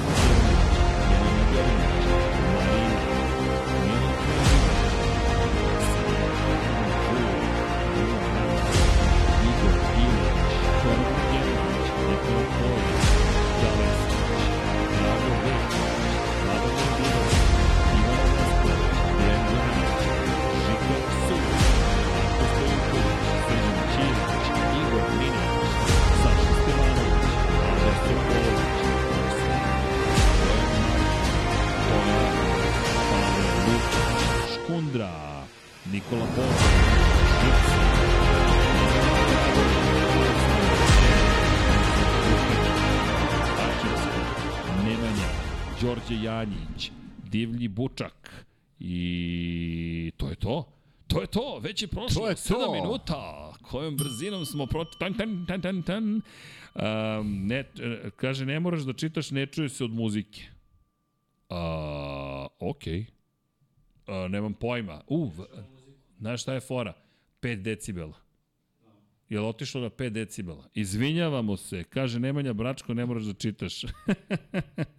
Kaže, nemaju oni 5 decibela. Ok, ljudi, sredit ćemo zvuk, update-ovao da nam se Windows, znači poludeo je potpuno, ali automatic update isključite na svojim računarima. U svakom slučaju, bar ste videli, ja sam čitao, mi smo se zabavili, a pa ja vam želimo laku, Laku noć, noć, ljudi. i da vam bude mnogo lep dan sutra.